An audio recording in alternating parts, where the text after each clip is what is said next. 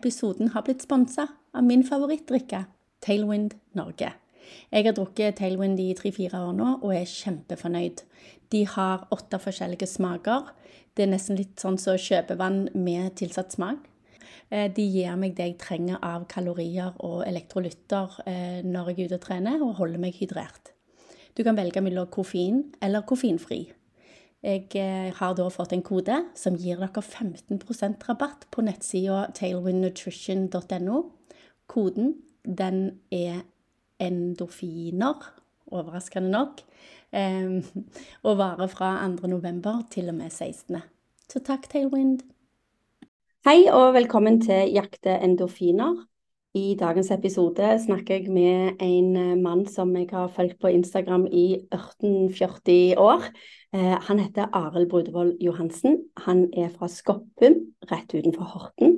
Han er da bare 46 år. Han er en ung mann i forhold til denne gamle damen som pusher 50. Nei, jeg tøyser. Jeg har gleda meg til å snakke med Arild. Han var på lista ganske kjapt eh, når jeg planla å starte podkast. Og jeg gleder meg til å høre mer om Arild sin bakgrunn. Så velkommen. Tusen hjertelig. Veldig hyggelig å få komme. Ja, Kjempekjekt. Og det er jo så kjekt at du kjørte hit og møtte meg på mitt lille studio. Det er mye mer ålreit å prate face to face enn ja. over nett, syns jeg. Ja, mm. det blir eh, enklere og, og kjekkere. Ja. ja. Jeg eh, har jo tenkt på deg fordi at jeg vet at du òg har en usynlig sykdom. Og du er en løper. Og du har møtt motstand. Og du har jo møtt med Du har fått masse heiarop òg. Mm, veldig mye. Eh, ja. Mm. Eh, for mer eh, heiarop, håper jeg, enn motstand. Men ja. ja. Men allikevel, du er åpen om hvordan det er å ha usynlig sykdom og være en aktiv mann i miljøer hvor ikke alle er aktive. Mm. Eh, vi kommer til det, men først vil jeg jo høre hvordan du, Arild, var når du var liten. Hvordan, hva drev du med, hva likte du? Når jeg var liten, så jeg, jo, jeg er jo egentlig korpsmann. Så jeg har alltid spilt, jeg har spilt klarinett, og de siste Jeg Jeg spilte korps i 16-17 år, faktisk. Og spilte jeg vel en ti års tid spilte jeg trommer ja. i korps. Og det er vel ikke helt lov å si det, men jeg syns jo folk som drev med fysisk aktivitet var rare. Det kunne absolutt ikke falle meg inn å drive med det. Og egentlig, ja. ja. Men likte du å ha gym på skolen? Ja, jeg syns det var gøy med type slåball og, og de tinga. Basketball og kanonball og dette her. sånn, Det syntes jeg var gøy. Ja. Men uh, jeg var vel ikke noe løper. Jeg husker vi hadde vi skulle løpe en eller annen distanse på barneskolen. og sånt. noe. ja. Vi var to stykker i klassen som ikke klarte det. Og det var meg og en til. Altså. Ja. Vi, vi, spurte om å få løpe en runde til for å komme under det tidskravet, og jeg tror vi klarte det med et sekund eller sånt på andre runde. eller sånt, Men det, nei, det var ikke gøy nei. den gangen. Så ikke på videregående heller, så Nei, jeg syns heller ikke det var noe særlig med løping. Jeg syns det var så hårreisende. Vi var nødt til å løpe fort for å være gode. Ja, det, jeg er enig med deg. Det, litt, litt spesielt.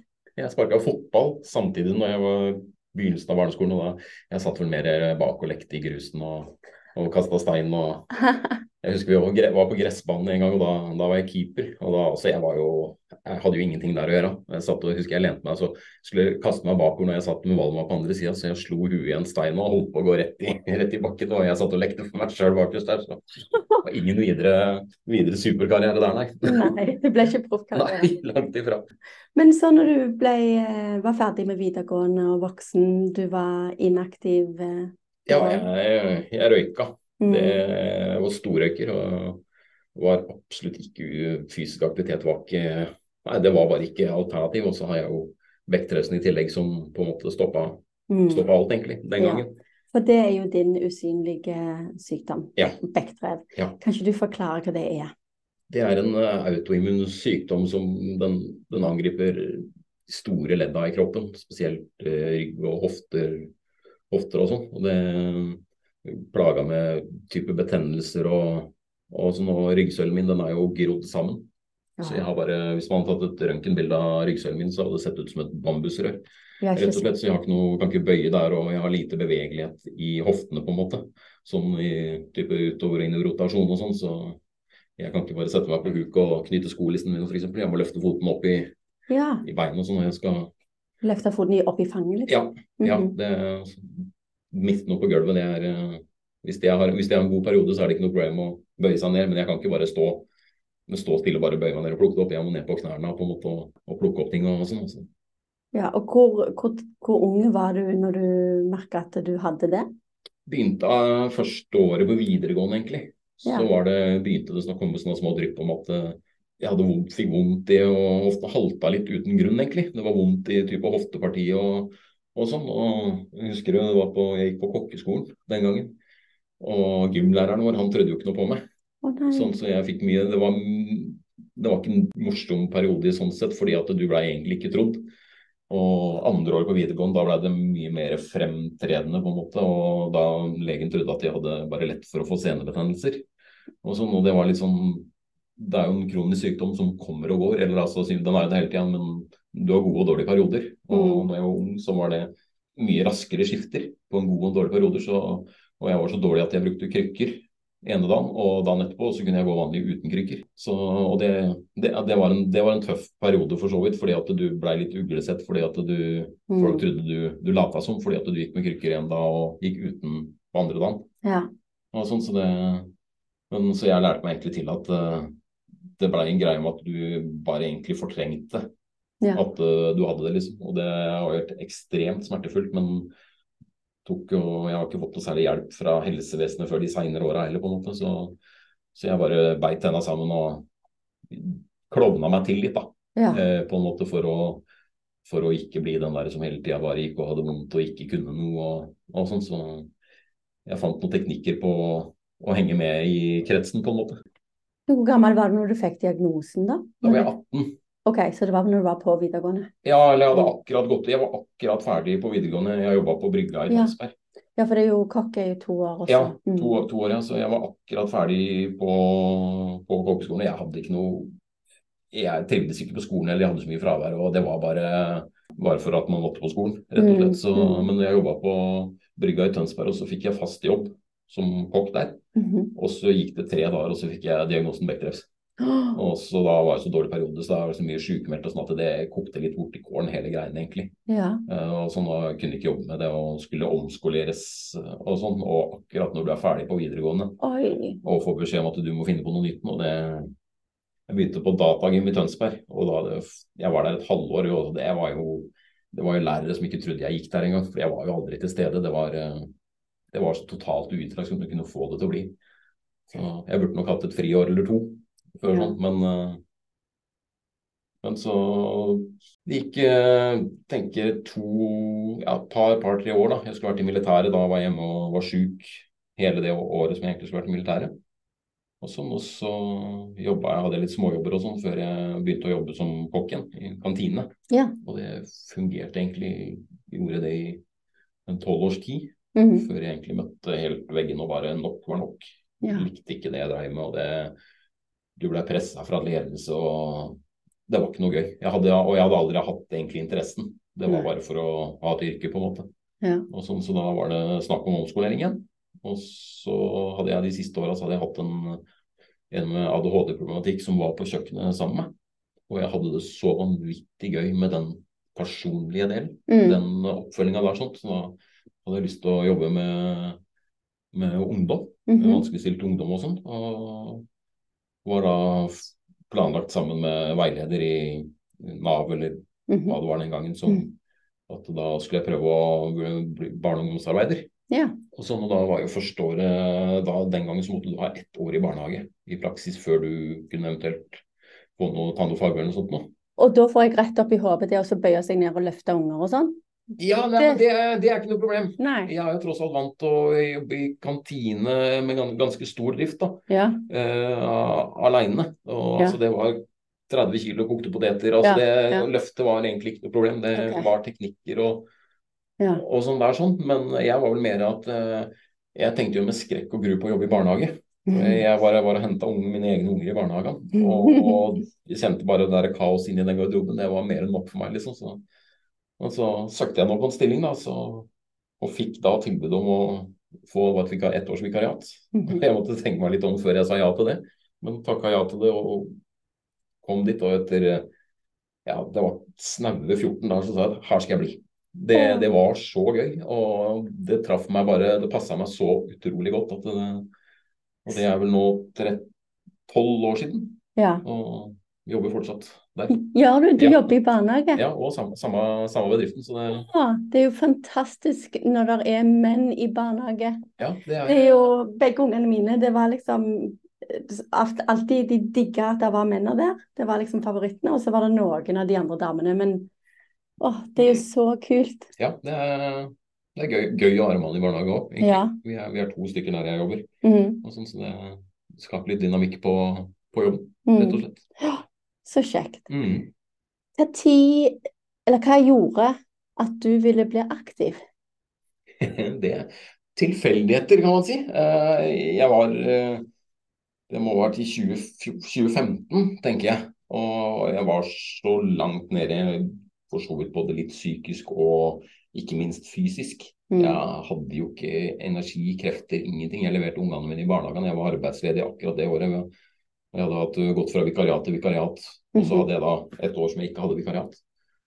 Uh, og så merka jeg egentlig at jeg var sliten allerede egentlig før jeg skulle levere ungene eh, i barnehagen om morgenen. Oi. Og jeg husker at når jeg, når jeg satt dem i bilen og kjørte ned og skulle levere dem, så gleda jeg meg allerede til å komme hjem før jeg kunne slappe av. Oi. Og sette meg ut og ta en røyk.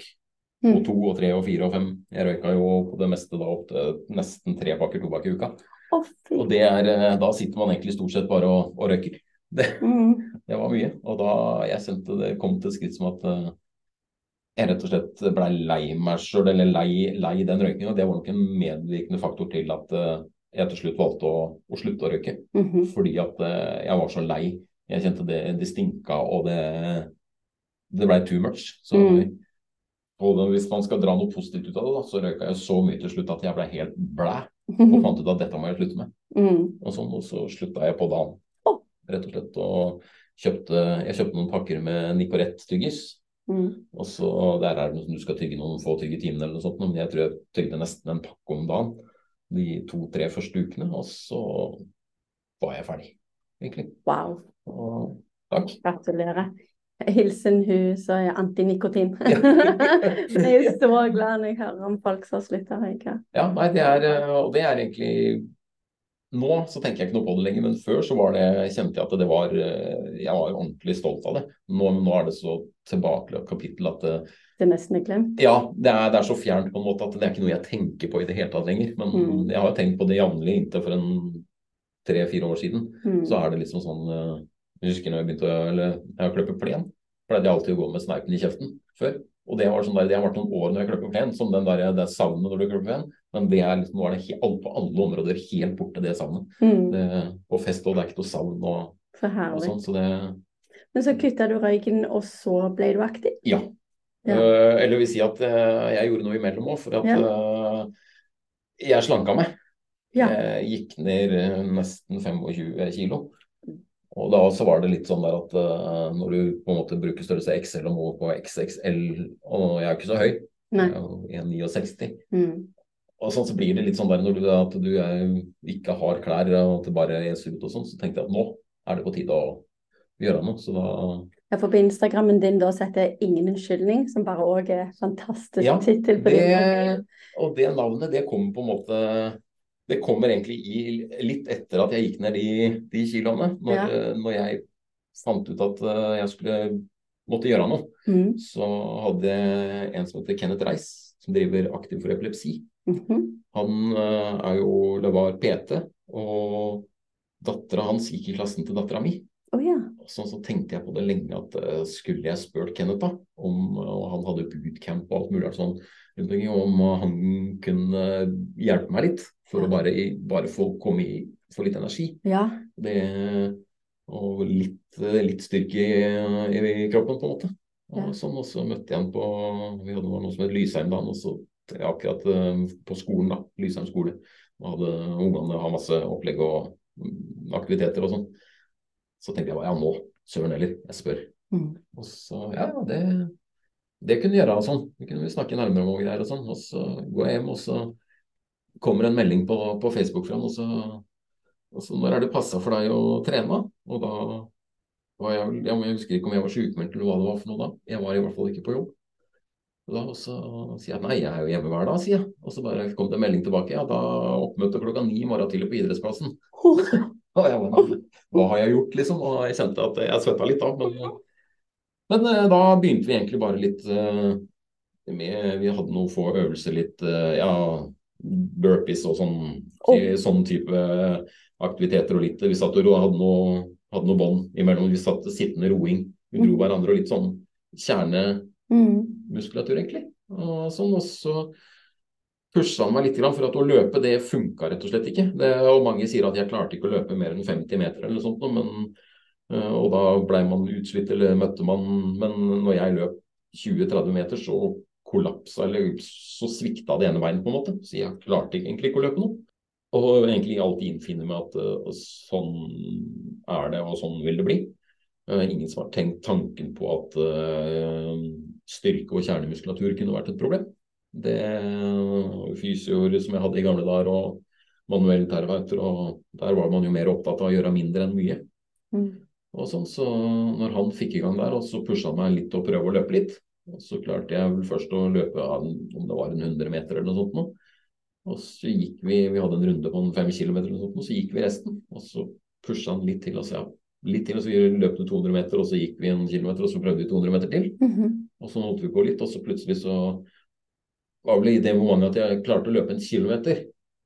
Da var jeg solgt. Ja. Da var det den mestringsfølelsen. Den var helt ekstrem, og den har jeg egentlig stort sett jaga siden. Det, ja. at siden jeg klarte det, så har jeg trent lenger og, og lenger. Ja. Det, og vi satte jo også et mål når vi holdt på med den treninga da, nå er jeg helt i oppstarten. Og det var egentlig at uh, jeg var litt kjekkas.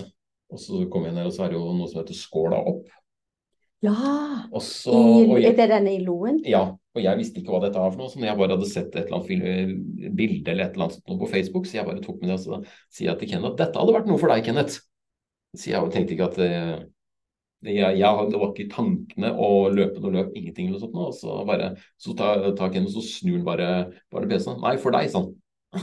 og da ble plutselig det målet, da. Da fikk jeg frysninger i håret. ja. Så, og da er jo jeg er jo gjerne med på en utfordring. Ja, og Skåla opp, det er jo altså Skåla er jo et fjell i Loen. Ja. I eh, hva, hva, hva heter det, den fjorden? Uh, ja. ja. ja. I nærheten av um, Stryn. Ja. Stryn. Mm. Mm. Og, og, hvor høyt er det fjellet? Ja. Er det 15 eller 1800 eller noe sånt? Oh. Men, uh, men uh, flaks egentlig da, var jo at det ble logistikkmessig litt sånn problematisk. Så da slapp jeg jo egentlig det. Men uh, så i samme område så er det et sted som heter Stranda. Ja. Grandiosa-bygda. Ja, ja. Strandaskinka. Ja. Jeg har ei tante som bor der, og mm. faren min har bodd der i ungdomsåra. Så jeg har litt sånn Jeg føler meg litt sånn hjemme når jeg er på besøk der. Mm. Det er litt sånn ferieminner fra jeg var for yngre. Og da var det jo et løp som het Stranda for trail race. Ja. Og, sånn, og der var jo logistikken litt lettere, for der eh, bor jo tante, så da hadde jeg jo overnatting. Så da ble plutselig det flytta over til at jeg hadde mål. da, At jeg skulle løpe da, Det var nøyaktig et år etterpå. skulle jeg løpe stranda for Svelves. Mm -hmm. Og den gangen så var løypa tror den var 3,3 mil og 3000 høydemeter. Å, oh, fy filla. To, to fjelltopper først, og så ned til havoverflata, og så opp til siste, fjelltoppen før du var i mål. Det var liksom det var målet jeg satte. Det er ganske hårreisende, når ja. du da akkurat hadde lært å løpe én kilometer. Ja, det, det, var jo det. Så jeg fikk litt sånn, jeg var en sånn periode med småpanikk og visste ikke helt hva jeg skulle gjøre. og Kenneth hjalp når han kunne og sånn. Og mm. så fant jeg jo til slutt at uh, her må jeg bare Jeg kan ikke lene meg på andre, jeg må bare finne greia, bare gjøre og gjøre og gjøre. Mm. Så det var jo bare ut og utføre. Og da kom jo egentlig den der med at Uh, og det, er, det viktige i det momentet her er at uh, med, med backdrevs, den aller viktigste medisinen min, det er trening. Ja. Uh, mindre smerter, mer bevegelighet. Alt avhenger av trening. Mm -hmm. Og sånn, og det, da var det jo egentlig en vinn-vinn-situasjon. Ja. Sånn, og da var det, når jeg begynte, husker jeg var ute og løp da, så var det dette var, Jeg hadde ikke medisiner, ingenting. det kom først noen år etterpå, da det har gått i mange år og etterlyst å få medisiner og sånt, men uh, jeg hadde en fastlege som nekta å sende meg til spesialist. Oi. Og sånt, så jeg kom jo ikke til Jeg hadde gått med den sykdommen i 21 år. før jeg ble, fikk ny fastlege og ble sendt til spesialist. Å, fy filla, det skulle ikke vært lov. Nei, det er jeg litt enig i. Men uh, Ja. det, det var, når, jeg, når jeg kom da på Betalingen hospital i Skien, og dem tok tak og sånn, så liksom bare Åssen har du fått diagnosen, da? Og sånn, så jeg bare Nei, det satt, det var fastlegen min som satt en gang i tida. Og jeg husker det så godt at uh, han sa han hadde diskutert med kona. Sånn. Oh, fy så fikk jeg en diagnose med at jeg har Becterus, og så fikk jeg et blått hefte i, som det sto litt om det, uh, om Becterus i handa, og så ha det bra. Det var liksom Vær så god, neste. ja, det var den oppfølginga jeg fikk da. Og sånn, så da var det jo Når jeg begynte å trene da første året, så var det uten jeg skulle ut og løpe, så De 15-20 første minuttene var liksom sånn svar på hvordan blir de da. Jeg kunne begynne å løpe og skjønne at bare, å, dette går ikke. Eh, får ikke, får ikke til å, å løpe, rett og slett. Eh, Hoftene og smertene blir for store og sånn. Så, så da, var det, da kom det egentlig at eh, Men hvis man prøver litt til, og litt til, så plutselig hvis du hadde holdt på i 20-25 minutter, så plutselig noen ganger så slapp det. Mhm. Og da kom det at jeg har ingen unnskyldning for å ikke prøve. Ja. Og det er egentlig en god ting å ta med seg. Mm. Og det, er, og det kan de fleste stille seg. liksom, Hva er din unnskyldning for å ikke prøve? Det, det er jo ikke farlig å prøve. ja, ikke sant. det verste, verste som er, er at du blir sliten. Du Ja.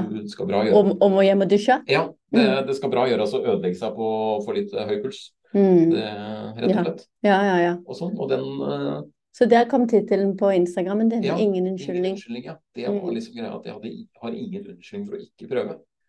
Og den bruker jeg vel som en egen motivasjon innimellom òg. Mm. Eh, For at eh, det går jo Det er jo ups and downs. Ja. Det er absolutt, så Og der kommer også inn det der hvor viktig det er å ikke sammenligne seg med andre. For Ja. at det, det er jo en, hva er din unnskyldning? Altså din Mm. egen. mm, Enn om noen andre har uh, vondt i hodet en dag og ikke med å løpe, så ja, da, har jo ikke jeg noen unnskyldning, jeg skal ut og Ja. løpe. Men Mm. det, er, det er veldig fort gjort å gjøre det for deg. Ja. Og ende opp med det der at du sammenligner. Og, og i hvert fall tenker jeg når du, er, når du har en kronisk sykdom, da, så Mm. har du du plutselig har du gode, gode perioder som er ordentlig form, og så får du en dårlig periode, så ramler, du egentlig, ramler man litt ned igjen. Mm. Og jeg husker mange som liksom har kontakt med meg, og det er så superhyggelig når du får meldinger og bare at du, Tusen takk for at du deler, og du har inspirert meg til å begynne å trene, og du har inspirert meg til å melde meg på det løpet og sånn. Mm. Og det, det som er litt gøy, det, og det er ofte tidligere så var det mye iallfall fra mennesker som ikke hadde trena før og sånt, som akkurat samme utgangspunktet som meg, da. Men samtidig så merker man det at eh, så starter dem, og så bare er, har de en progresjon som bare fortsetter og fortsetter og fortsetter. mens og så er jeg der, og så går det bare rett forbi meg. Og så, men jeg henger fast nede der. Der er det ikke. Og der er, har, det, har det tidvis vært vanskelig å på en måte tenke at ok, nå må jeg bare fokusere på meg sjøl. Godta. Ja, Mm. og jeg har de, den utfordringen jeg har, da. Ja. Måte, eller den Mm. funksjonsnedsettelsen skal som jeg har. Mm. Men jeg merker jo det, og jeg, har- jeg har jo løpt hundreveisløp og sånn. og så Det er 160 km, folkens. Ja. Ja. Mm. Og da er det Da har man jo egentlig klart det, og da tenker andre at ja, ja, han har løpt 100 miles, så det er ikke noe problem, og da er han 100-milsløper, på en måte. Mm. Men uh, Det krever jo det krever så sinnssykt mye, fordi at uh, jeg har den sykdommen som hele tida ligger og lurer bak der. Sånn. Så for meg så er det eh, like, blir det nok like stort å klare en 100 miles igjen. Fordi at jeg har eh, Jeg må gjøre den ekstra jobben og Mm. har den som plutselig sier at nei, det gikk ikke. Fordi Mm. at helsa sa nei. Eller altså sykdommen sa nei. Ja. ja, for det er liksom For der kjenner jeg meg litt igjen på det der med å løpe med smerte, for det kan jo Plutselig så er det borte. Ja. Og altså, ja, friske folk får jo òg smerter når de løper lenge nok. Mm. Men, men øh, med meg og deg så vet vi jo aldri hva tid disse smertene kicker inn, Nei. eller hvor lenge de varer. Og det som trygga meg, var veldig det der med at legene har sagt at det er ikke farlig. Mm. Og det, det, Ja. det merka jeg også. Jeg fikk jo stående applaus når jeg kom på legekontoret. og og sånn liksom utenom, utenom når jeg kom på betalingshospitalet i Skien. Mhm. Og der, for der er det sånn derre Når jeg begynte der, iallfall, det har jeg har merka en bedring der også, men da hang det fortsatt veldig igjen i, i gamle dager. Så skulle, hadde man vektreps, så skulle du ikke løfte tungt, du skulle ikke anstrenge deg og Ja. den greia der sånn. Mm. Og jeg merka der at eh, ja, har du løpt så langt? Da hadde jeg løpt, da tror jeg hadde løpt jeg hadde, først, jeg hadde løpt mitt første ultra Nei, jeg, jeg hadde løpt mitt første ultra på 45 Ja. km. Og da Har du løpt så langt? Det er ikke rart du er vondt. Ja. Da er det liksom du fikk, da. Og, Mm. og den har jeg hørt noen ganger, liksom. Sånn der, Det, sånn. det står der òg om CMT på sånne hjemmesider, så står det at det er viktig å ikke ta seg helt ut Mm. og liksom spare på reservene. Og det er greit for de som har fatigue. Ja. Det er noe helt annet. Men generelt, hvis du har fått diagnosen, og det gjelder mange diagnoser, Ja. så er det bare sunt å trene. ja. det Ingenting er, er galt med å bli sterkere. Og jeg har jo vært på rehabiliteringsopphold. Jeg husker jeg var på rehabil- rehabiliteringsopphold på Vikersund. Jeg -hmm. husker ikke hva det hele stedet heter, men det er Vikersund kurbad eller oh, ja, ja. Men, det, men i hvert fall så var det når du har, man har eh, type revmatisme, da, så er det, det er noen, noen få som er veldig flinke til å vel, Veldig aktive, da. Flinke blir kanskje litt feil å si, men det er noen Ja. få som er veldig aktive. Mm. Og så er det noen som ikke er det. Og fordi at dem ikke får det til. Mm. Noen får det til, noen får det ikke til. Men når vi hadde treninger og vi hadde bassengtreninger og sånn, så var det veldig fokus på, på den gruppa da som, ikke, som hadde de utfordringene som gjorde at de ikke fikk det til. Uh, og da var det bare, ja, det er bare, det er bare, å, bare å gå ut av bassenget når dere, hvis det blir for mye for dere. og Det er bare å ta det med ro og ikke, ikke stress og greier og sånn. Men det var aldri, det kom aldri noe sånn derre Ja, bare kjør på, dere. Ja, Til oss, til, til oss som på en måte var aktive og kunne, kunne Mm. gi på litt, da. Så jeg husker at jeg, jeg sa fra til slutt at, eh, at uh, dere må tenke litt på oss som Ja. ønsker å eller, eller Ja. ønsker eller, klarer, da. Mm. Klarer å gi enda mer. Mm. At uh, ikke vi får følelsen av at vi gjør noe feil. Ja. For du får, får ofte den følelsen når de sitter og hele tida bare passer på at dere ikke tar dere for hardt ut. Og sånn, men- For nesten, de setter jo nesten begrensninger på de som prøvde. Ja, ja, det ble, ble litt sånn, og, og det, det ble godt tatt imot. da, og jeg tok det opp liksom, og De var helt med på det, at det er fort gjort at man tenker på de som ikke får til, Mm. men dem som får til. da. Du har nevnt eh, til meg eh, tidligere at en av de gode treningsformene for deg som var ekstra sånn god for pulsen, var å gå i trapper. Ja. Eh, eller marsjere i trapper. Jeg går ut ifra at du ikke sprang i de trappene, det er jo så sykt mange trapper. Prøver å springe, egentlig. Ja, Ja, du gjør det, ja. det, Uh, I hvert fall eh, i hvert fall til det stopper. ja. Det begynner, eh, begynner å løpe nederst, og så Mm. er jo målet å komme så langt opp som mulig etter hvert. ja, og det er trapper i en, hold, i en sånn skihopp. Ja, i en hoppbakke, Ja. ja, som jeg, der jeg er i, i Holmestrand. Mm, Som jeg er og trener. og Det var noe av det han Kenneth tok meg med på til å begynne med òg. mm, Uh, og det Du får kjørt både lårmuskulatur og mm. leggmuskulatur, og så får du Det blir jo en form for en intervall Ja. eh, opp der, sånn. Så det er en måte å komme litt over første kneika på, tenker jeg, når det er eh, Når man ikke har trent så mye, liksom. Det Ja. Om det er hofter eller om det er størrelse, for det at er gjerne ikke Hvis knærne gjør fort vondt når du løper hvis du er stor, Ja. så kan det jo være veldig genialt å gå i trapper. ja. Eller i skogen, altså opp, opp fjell. Men trapper igjen er Mm. eh, hvis Jeg sleit med det de første når jeg begynte å trene, at jeg var opp trappene og, og sånn. Men eh, så, så trippa man litt ned og hoppa fra trinn til trinn nedover, og da begynte knærne å si fra at det var ikke så bra, det heller. Nei, Så det er en sånn eh, Der var fysioen klar på at knebøy, knebøy. Det, Ja, og litt sånn kne, generelle kneøvelser i tillegg, da. og styrke. Ja, Mm. styrke det er jo superviktig. I den eh, hoppbakken hvor jeg har eh, trent litt trapper eh, noen ganger, eh, der er det så herlig, for når du kommer opp på toppen der, så er det egentlig er det en bilvei Mm. rett under selve hoppet. Ja. Eh, sånn at du løper opp trappene, eller går opp trappene, jeg løper ikke, eh, underrennet. Mm. Og så er det et opphold Mm. mellom underrennet og selve hoppet. Ja. Eh, og så når det ikke er snø, da, eller, for Ja. da ser du jo veien. Ja. Uh, men da kan du løpe veien ned. Ja. Og så er det en sånn to kilometer eller et eller annet på grusvei. Ja. Så da får du litt sånn mindre Ja, da får du litt, litt avlastning. eh, Ja, ja. så den Ja, det er, den muligheten er ikke der borte. Den Nei. eh, tar opp og ned, bare, rett og slett. Ja. Så, men det hørtes veldig genialt ut. Men du, når du var på vei mot eh, Stranda Foot Trail eller- Strandafjord Trail Race, ja. Ja, Mm. Stranda Fjord Trail Race. Var du på noen sånn testløp først, eller var Ja. det Ja? ja mitt første løp så fikk jeg faktisk start nummer én. Og det var eh, Drammen, Drammen råeste, het det. Ja. Eh, motbakkeløp. Jeg møtte opp eh, på østsida, eller hvor det blir av i Drammen, egentlig. På sida mot Vestfold, og så løp man eh, opp i terrenget opp til en eller annen topp der. Ja. Haugåstoppen eller et eller annet sånt. Er det den slalåmbakken de har der? Ja, ved, si, ved sida der, på en Ja. måte. Ved sida der. Og det tenkte jeg kom jeg og skulle, skulle prøve å det er sånn, Jeg var så sliten når jeg kom opp at jeg skjønte jo ikke, jeg skjønte ikke hvor mål var engang. Men jeg, jeg passerte jo mål. Men mm -hmm. jeg veit ikke om Jeg tror det var én eller to som kom etter meg. Uh, Ja. og sånn, og jeg kom ikke sist. Jeg var strålende fornøyd med det. Ja, ja, ja. Fikk jeg drikkeflaske og en T-skjorte. Ja. Og den T-skjorta så står det på ryggen så står det 'Jeg er rå'. Og den, den har jeg brukt så mange ganger. Den, det er en av de treningsskjortene som jeg fortsatt bruker. Sånn der, og det er litt sånn viktig sånn liten sånn mental greie å ta med seg. At eh, ja, Mm.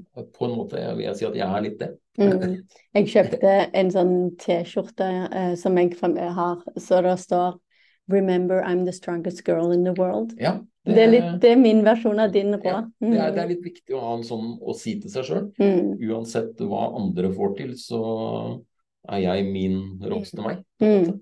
Ja, Eh, og du har blitt en eh, bedre utgave av det du var. Ja, Og Mm. det er jo det på en måte man kanskje jakter litt hele veien nå. Mm. Jeg jakter vel egentlig opplevelser Mm. like mye som mestring og opplevelser. Da. Det går litt sånn Ja. hånd i hånd. Mm. Men da, hvordan var den her eh, Strandafjord? eh? Den, den var brutal, med store bokstaver. Det, Ja. Og det var litt sånn eh, Det er jo en dags, dags kjøretur fra meg opp dit, og da var det liksom lille Arild på tur. Og jeg ante ikke hva jeg gikk til, og jeg kjente ingen. Og bare jeg aleine kom opp dit til folk som hadde vært med på sånne løp som dette her før, og Ja. Jeg var livredd. Så du fikk ikke med deg familien opp? Nei, for det er, eh, det er på jobb og, Ja. og sånn, så løp og sånn, så har jeg som regel Det har litt, blitt litt min, min eh, det, av, avspenning, eller Ja, ja. måte å komme meg litt ut på. Ja, sånn som jeg sier, husmorferie. Ja, ja, Mm. ja litt, litt det. Mm. Og sånn, så jeg dro oppover aleine. Bunkra opp med kaffe og god musikk på anlegget i bilen og bare kosa meg egentlig. Var jo på tur. Mm. Og så når du nærmer når du kommer til Stryn og sånn, og da begynner det å nær, begynner sakte å nærme seg stranda, da begynte nervene å komme ganske greit. ass. Og det, jeg kom opp to dager før, Ja. Så du fikk litt tid da? Ja. Og så nå, jeg har jo vært der oppe mye før og sånn, men dette her blei på en litt annen måte. Og henta startnummeret. Og det var litt gøy, egentlig, fordi at eh, det er jo flere som da har sett meg på, på Insta. Så det var bare Ingen unnskyldninger! Ingen unnskyldninger! Så jeg, bare, jeg ble jo helt overraska over hvor bra man blir tatt imot egentlig i miljøet når du Uansett eh, hva, hva du har å komme med. Ja. Eller sånn, så jeg var jøss. Folk vet hvem jeg er. Ja, ja, ja, men det var kjempehyggelig. Mm. Og, så det løfta meg nok litt til at uh, det, var, det var noen sinnssyke nerver på forhånd, men det begynte å bli litt glede òg. Gleda meg litt uh, til det. Var ikke bare nervøs. Mm. Og så og starten kom på morgenen, og dette her var fortsatt før jeg hadde fått noen medisiner. Og sånn, og da ulempen med sånne løp, det begynner klokka åtte om morgenen og opp opp i eh, fem eller halv seks, mellom halv seks og seks, og få frokost og alt dette greiene her sånn. Og når du er revmatiker, så er du stiv når du våkner om morgenen, og det går ikke akkurat, det er vondt og det går ikke fort og sånn, så jeg var ganske nervøs. Og sånn, jeg bestemte meg for at jeg ikke skulle ta noe smertestillende da når jeg stelte Steral, så skulle jeg se, se an åssen det gikk. Så Mm. skulle jeg heller istedenfor å fylle på med for mye smertestillende i løpet av Ja, dagen, ja. så skulle jeg på en prøvemåte å tenke meg litt om. Men det var kanskje, det var kanskje ikke det mest taktiske jeg gjorde, da. Men det, det kom til starten. Og når du bor på Østlandet, så er bratt. Det er ikke bratt. Det, det, den kom brutalt fort, den, eh, når den starten gikk ja, oppover fjellet. Sånn, så bratt der oppe er jo noe, det er jo helt vanvittig. Det, jeg, ble, jeg, ble, husker jeg ble helt satt ut. Og jeg har jo vært der oppe før, men når man skulle prøve å ha litt fart, eller litt tempo, sånn, så var det jo helt eh, Jeg klarer ikke helt å beskrive den følelsen der. Og da var det, det var 3,3 mil Ja. og, nesten, og 3000 høydemeter, var det? Ja. Ja. Da vi starta vel den, Nå starta jo halvoverflata der, men den gangen så starta vi på 400-500 høydemeter eller noe sånt. Ja. Og så er det opp til 1500. Og så er det ned til 1200-1300, og så er det opp til 1500 igjen. Og så, ja. ja. Og så nå da gikk, Det gikk for så vidt eh, Jeg, jeg er jo baktropp. Ja. Jeg, noen ganger oppe av baktroppen, noen ganger i baktroppen. Men Mm. jeg trives i baktroppen. Ja. Jeg trives med menneskene i baktroppen og eh, innfallsmåten deres, på en måte. Men hva de er ute etter. De er ikke nødvendigvis ute etter at de skal eh, være best eller gjøre sitt beste løp eller noe sånt. men De skal ha en god opplevelse. Yes. Eller, og mestring og sånn, og det, der er jeg hvert, hvert eneste løp jeg er, så er det det som er på en måte fokuset mitt. Og da egentlig litt Jeg hadde litt flaks, for det var en dame som, eller en mor sammen med dattera si som var var det sikkert 16-17 eller noe sånt, som hadde meldt seg på det. Jeg tror, jeg tror kanskje ikke dem Jeg fikk litt inntrykk av dem, og visste ikke hva dette her gikk ut på. Og sånn så på det bratteste, ganske drøyt bratt parti oppover der, sånn som en steinur. og dem begynte å bli slitne. Og det var dem to som var foran meg, så var det én bak meg. Og hun dattera kjefta på mora, og mora kjefta på dattera. Og jeg kjente egentlig at jeg måtte flire litt for meg sjøl. Og endelig klarte jeg å få fokus på noe annet enn at det bare makspuls hele veien klarte å roe litt. Så da ble de stående og småkrangle litt, så jeg passerte dem. Og da fikk jeg litt hus, tenkte jeg jøss, yes, jeg skjønner at de ble stående og diskuterer hva de gjorde for noe, men jeg passerte noen. Ja, og det, det sånn, så jeg kom meg opp på første toppen. Og sånn, og så var det gikk det, klarte jeg faktisk å løpe godt ned mot uh, før du skulle opp på andre toppen igjen. Og, sånn, og da begynte det begynte å komme opp mot andre toppen, så begynte det å gjøre vondt. Da i hofter og alt som var, egentlig. Mm. Og kom meg nå videre, men det, ja, jeg, løp, jeg jeg løp 50-70 meter, og så gikk jeg 50, og så ble det sånn hele tida. Litt mm. halting og, og, litt sånn. Og tenkte at uh, dette her sånn det, dette her, det går ikke. Så tenkte jeg at dette her kommer jeg til å jeg, jeg må bare gi meg når jeg kommer ned til til havoverflata der det var matstasjon. Og, sånn, og det var jo en cutoff-tid. Mm -hmm. sånn, men jeg lå jo innafor cutoff-tida, ja. så jeg ville rekke cutoffen. Ja. Uh, og sånn, og det kom ned der og sånn. Og så tenkte jeg at nå skulle jeg gå bort til de Røde Kors, noen Røde Kors-folk. Jeg tenkte at nå skal jeg gå bort og prate med dem og høre. Og tenkte jeg gir meg liksom og bare kan dere kikke litt på hva nå enn dere ja. gjør. Ja, det er dritvondt, rett og slett. Ja. Og så hører jeg en si at nå er det ikke mulig å løpe lenger. Nå er det bare å gå, gå, gå. Finne et tempo. Bare gå, gå, gå. Og, så, så var det da, og dette her er første løpet mitt, sånn ordentlig løp med matstasjon på. Ja. Herregud, smågodt. Sjokolade, vingummi og sånn. Jeg gikk jo bare heiv innpå og bare fikk eh, Med en gang kom jo den boosten. Ja, ja, masse og, Ja, ja. Så jeg bare jeg tenkte ja ja, det bare gå. Det klarer jo jeg òg. Ja. Så da satte jeg i gang videre. Gadd jeg ikke å gå innom disse her Røde Kors-folka. Så flott. ja, det og fortsatte videre, da. Og jeg husker at humøret var relativt dårlig. Jeg husker faktisk, og det har jeg skrevet i bloggen min òg, jeg husker jeg ble litt irritert på at uh, på det Grandiosa-bygget, mm -hmm.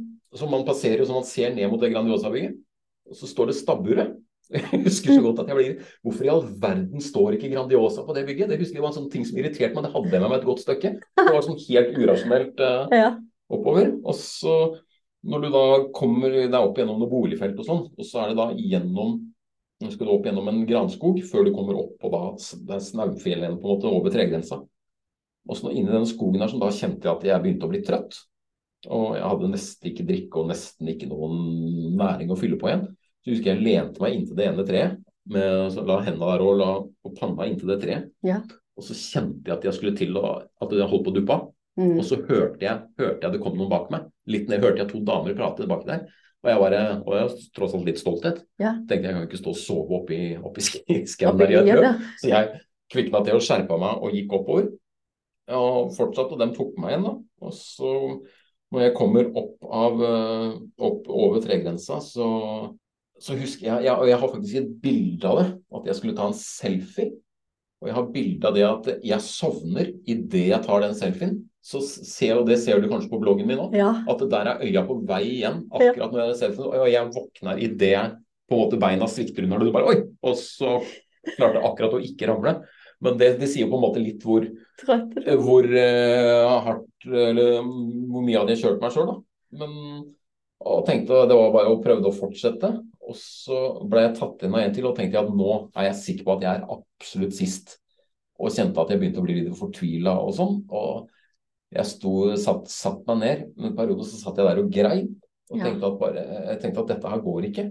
Mm. Og så når jeg var skikkelig fortvila, og så tenkte jeg nå tar jeg opp telefonen og så ringer jeg til han race directoren som hadde, vi må lage nummeret til. sånn, tilfelle var det noe, så jeg tenkte nå ringer jeg og så sier jeg at dette, jeg gir meg. Mm. Så fikk jeg en sånn av en eller annen grunn fikk en liten sånn lys idé om at hvis jeg ringer nå, så sender jo ikke dem noe helikopter for å hente meg. Nei, må Da må jeg gå den lange veien enten ned, mm, eller den Det var jo kortere til morgen, egentlig. mm. Videre opp og bort for å det er sånn, Så tenkte jeg bare at søren, det er ikke noe vits i å prøve å gi seg her. Du må jo bare et eller annet sted. Så da var det å fullføre litt. Og jeg, stoltheten var jo fortsatt så stor, så hun ene som tok meg igjen, hun satte seg ned. Og så skulle hun spiste litt. Og så jeg ble, husker jeg ble så glad. For bare, åh, da kan jeg også gjøre det samme, tenkte jeg. Ja. Og jeg hadde ingen erfaring på dette her. sånn. Og da hadde jeg, jeg hadde sånn sponsor-gel, Ja, ja, ja. ja. Sånn, sånn tube. ja. jeg, jeg. Jeg har sett Ja. sånn, sånn, sånn liten Ja. miniatyr tannkremtube. Yes. Jeg skulle åpne den, og så sutta i meg. Det var ingenting igjen. Jeg bare prøvde å sleike hele den der, Ja. greia der for å prøve å få i meg det bitte lille jeg hadde igjen av næring. Det verste er at hun hadde jo spurt meg, sett meg om jeg hadde mat og sånn. Jeg bare ja, ja, ja. ja. Tør du ikke innrømme at jeg ikke hadde det. oi. Og sånn, så, så plutselig, da, når hun fortsatte, så fortsetter jeg oppover. Og det begynner jo Det var vel en kødd Siste tidspunkt inn var klokka om det var sju eller noe sånt. Og klokka begynte å nærme seg seks, og jeg husker at det, sola var, var, begynte sånn sakte, men sikkert å bli, bli litt lavere. Jeg husker at jeg ser en silhuett av en person der oppe. Som, eh, det var en dame som ropte. Og da skjønte jeg bare Oi, her er en løypevakt. Da, det betyr at nå, nå begynner jeg å nærme meg et eller annet. Og da hadde jeg på en måte kommet opp nesten på det øverste, den øverste toppen. Da, som da, var det, da var det noen hundre meter flatt, og så var det da en hundre høydemeter til sånt oppover. Og så var jeg på det høyeste punktet, og da var det noen hundre meter nedover igjen. Ja.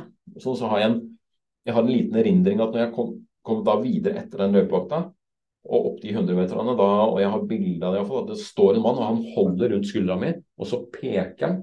Så sier han at eh, hvor alle, hele den strekka jeg har løpt, men jeg klarer ikke helt å forstå hva det er jeg egentlig har gjort, fordi jeg var, helt, jeg var så, så langt ned i kjelleren. Og så når jeg husker på en måte at jeg, litt, jeg ble stolt av, så når jeg begynte nedover, så skjønte jeg det at nå, da, det er en sånn paviljong litt lenger ned, så jeg så glimt av den, så bare skjønte jeg oi, nå er jeg jo straks i mål. Og da klarte jeg å løpe, og jeg husker jeg jubla jo helt vilt nedover der sånn.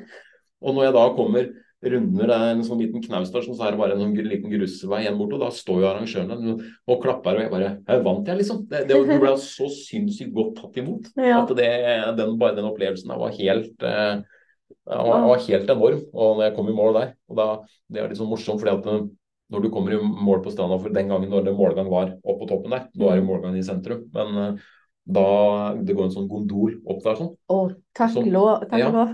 Ja, det kan, kan man jo si, da. Mm. Fordi at, men så idet jeg kom, kommer inn der, så akkurat etter å ha hengt, gå- hengt medaljen over halsen min, så hører jeg. Jeg skjønte ikke helt hva det var, men det var jo De stengte. De stengte. Mm. Så det ble ikke noen gondoltur. Jeg fikk sitte på med en eh, sånn sekshjuling der, da. Jeg husker den lyden, og så bare hørte jeg han der ene, han ene arrangøren bare Oi! Nå stoppa gondolen. Oi, da, da hadde jeg lagt mine anker tror jeg. Ja, nei, det Men det ordna seg, det. Altså, jeg fikk sitte på ned og sånt, så det Ja. Litt lettere nå da når målet er nede med, Ja.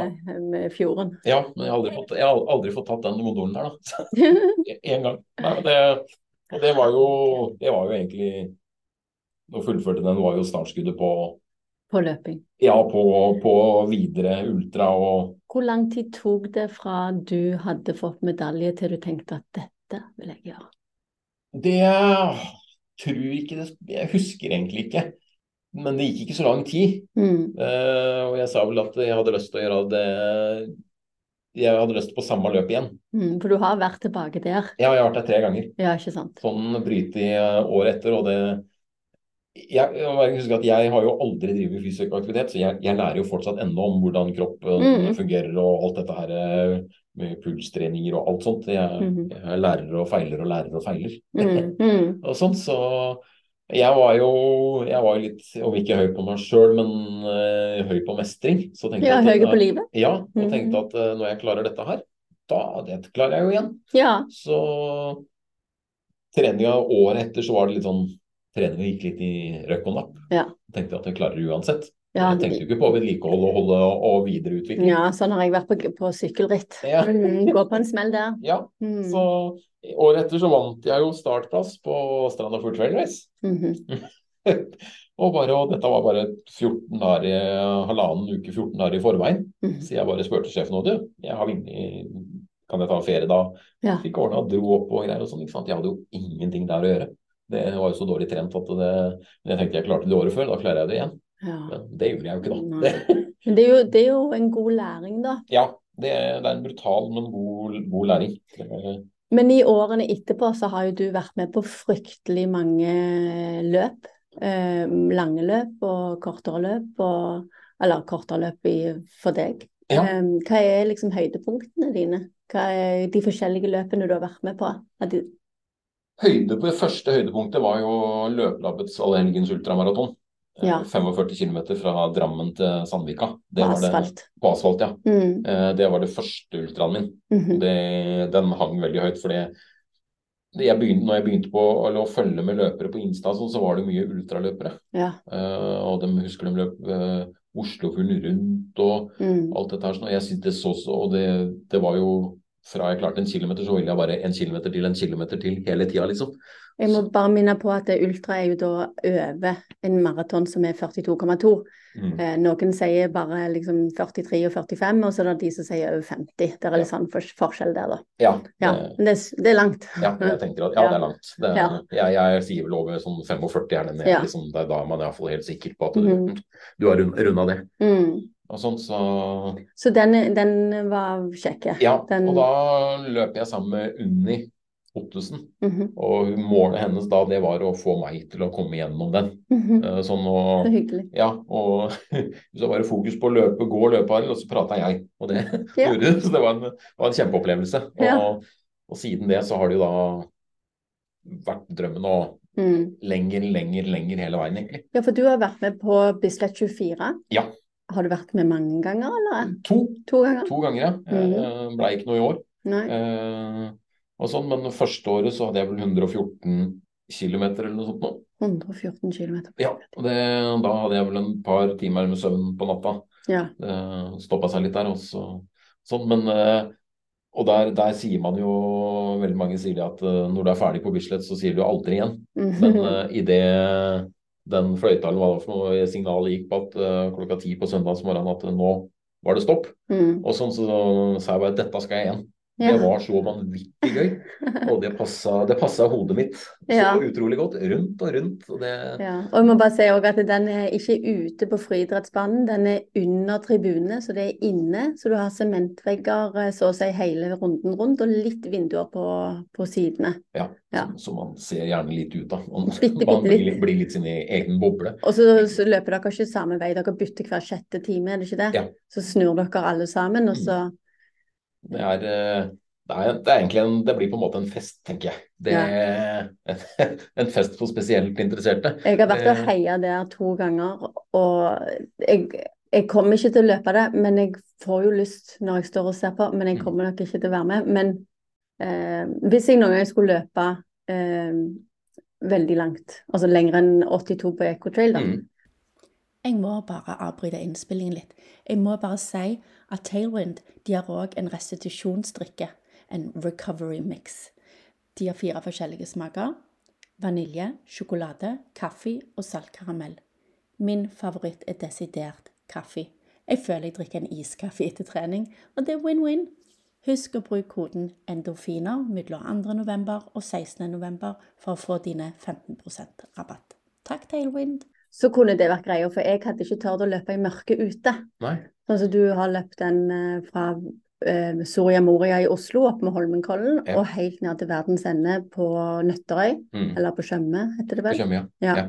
Det er jo 160 km, og det er jo 68, faktisk. Ja, 168. Ja, Få med seg de Ja, ja. Og det, det er viktig. Men da er det jo for at dere begynner på morgenen den ene dagen og kommer i mål kvelden etterpå. Ja. Jeg gjorde i hvert fall det. Ja. Jeg er baktroppløper. Ja, ja, jeg òg. Så det er sånn jeg Trofast med baktropp- Ja. baktroppsløper, så det Så jeg sier ikke dagen etterpå på morgenen, jeg. Nei, jeg tror vi brukte 33 timer eller noe sånt. Ja. Sånn, så det Og den har du vært med på én gang full distanse? Ja, Jeg har vært eh, Vi er to stykker som Mm. har løpt alle distansene. Ja, er, ja, sånn er eh, det. Mm. Løpt 100 miles, og så 168 km, og så 83 km og 27 km i år. Ja. Sånn så det har gått nedover, da. Så neste år så prøver vi å starte på topp igjen. Det er målet i hvert fall. ja, Ja. så gøy. Mm. Det, der har jo em, Når jeg så, eh, eller hørte om det første gang, det var når venninnene mine Maria og Sissel skulle løpe. Ja. Og så er jo løypa rett ut fra huset mitt Ja, på Kolsås. det vet jeg. Ja, og da fikk jeg låne hageslangen til naboen som har, eh, som har hus enda nærmere løypa. Ja. Og så sto jeg og spylte på folk som ville ha litt vann i håret. Ja. Eh, og så satte jeg opp masse skilt rundt omkring i skogen. Ja, det er du som har satt opp skilta òg, Ja, ja, ja. det husker jeg. Vi tok, vi tok jo til og med bilde. Ja, jeg så på Eh, bloggen din at ja. du hadde bilde. Ja, det, og det, det, var litt, det, det var litt høydere, egentlig. Når Ja. jeg er ned fra Kolsåstoppen. Ja. Det er sånn, og så når jeg kommer ned der, sånn, så tenkte jeg Jeg hørte noen som ropte 'Arild', Arild. Jeg tenkte i all verden, hvem er det som står ute i skauen her og roper 'Arild'? Og kommer rundt og der står du og heia. Og det, var, og det er så boost Ja. når du uh, treffer på folk som du kjenner, liksom. Det, Mm, og, nei, det, det var liksom Du vokser litt på det, altså. Det, Mm. det er gøy. Ja. Det, Jeg husker Fredrik Sakariassen sa at uh, han eh, var evig takknemlig for at jeg sto der den dagen. Så hvis jeg noen gang trengte noe, så skulle jeg bare ta kontakt. ja, og det, men det var året, året før, var det det? Nei, det var samme Det, nei, det var samme året, Ja. Mm. Så det, for det var når Maria og Sissel eh, løpte. Ja. Mm, så Ja. da, det var derfor jeg tenkte jeg må sette av hele dagen. Jeg begynte jo å kjøre til Skaugum, eller til Semsvann sto Ja. jeg og heia, og så kjørte jeg òg til Lier, men da var det jo regndråper store som snøballer. Ja. Så dere hadde jo eh, fire årstider på, Ja. den, på det løpet der. Ja. Det var, eh, Tøft. Tøft gjort. Ja. Men eh, et annet løp som du har vært med på, er jo Wings for Life. Det har, har jo vi løpt Vi har jo funnet ut nå, før vi starta innspillinga, at vi har vært der samtidig. ja, det har vi. Ja. Det, også er, det går ut på at man starter til visst uh, klokkeslett, og så er det en bil som starter så og så lenge, lenge etterpå, og kjører Jeg husker ikke hvilken eh, hastighet den Jeg kjørte. kjører vel i eh, hva det er, 10 km i timen i starten og begynner en halvtime etter løpet har starta. Ja, og så kjører de sakte, sakte, sakte og tar igjen. Så målstreken kommer bak deg og henter deg inn. Ja, og så øker de farta etter Ja. så, så og så lange intervaller. Ja. Etter hvert så øker de med lite grann. Mm. Så nå, jeg husker ikke hvor langt jeg, jeg tror jeg kom Jeg tror jeg kom 8,3 km eller noe sånt. Ja, den gangen, og det var vel det var vel andre året jeg trena. Egentlig, og jeg var stor fornøyd med det. Og jeg tenkte det var, det var en veldig morsom greie. ja. Jeg kom til 13, men når jeg kom til 10 km, så hadde jo ikke jeg noen gang løpt lenger enn 10. Nei. For da var jo sentrumsløpet det lengste løpet jeg var med på. Ja. Og så når jeg kom til 10, så begynte jeg å snu meg og lure på hvor det ble av denne bilen. Nå var jo jeg ferdig. Mm. Men så måtte jeg bare løpe videre, og det var veldig rart. Men det var jo kult, da, for da var jo den barrieren brutt. da. Ja, det er gøy å perse på et sånt løp. da. Men det, ja. Men det viktigste med det løpet der, er jo hva pengene går til. Det går jo til inntekt for uh, ryggmargskader og, Mm. og sånt, så det, det er jo en god sak. Ja, og så er han eh, den gang, det året, jeg husker ikke hva årstall var det, var det i 2017? Ja, 16 eller 17? 17, ja, nok, Ja. stemmer nok. Ja. Da var det, i alle fall den gangen, var det 33 land som arrangerte samme løp på Mm. akkurat samme tidspunkt. Så ut ifra hvor du bodde i verden, så måtte du ut og løpe på den, eller ut ifra tidssonen du var i. Det var kult. Og så Mm. var det på internett live, og så var det jo én vinner i hvert land. Ja. Og det er jo hvert år. Nå er det jo virtuelt. ja. Ja. Det er nok kanskje litt mindre føss om det nå etter at det ble virtuelt. Ja. Sånn, men, eh, Mm. men eh, når det var i Stavanger, i hvert fall, så var det jo en stor Ja. og, og Det var Masse, masse masse, stort arrangement. Mm. Så Det var gøy, gøy å være med på. Ja, det er et av de kjekkeste Mm. løpene jeg har vært med på, for det, det betydde litt. Og det var òg første gang jeg så folk i rullestol Ja. som var med. At Mm. liksom alle kunne være med. Det, jeg var jo sammen med løp med Lars Sakariassen, Ja. som ikke har noe med Fredrik å gjøre. Nei, de har Men, bare samme eh, navn. Ja. Ja. Men eh, han hadde tromma si eh, sammen via Instagram med folk i alle, Mm. alle aldre egentlig, eller, og former. Ja. Og sånn, så lavterskeltilbud. Og det Ja. var, den, var der jeg kom inn, på en måte. Den lavterskel... ja, for du ble invitert av han? Ja.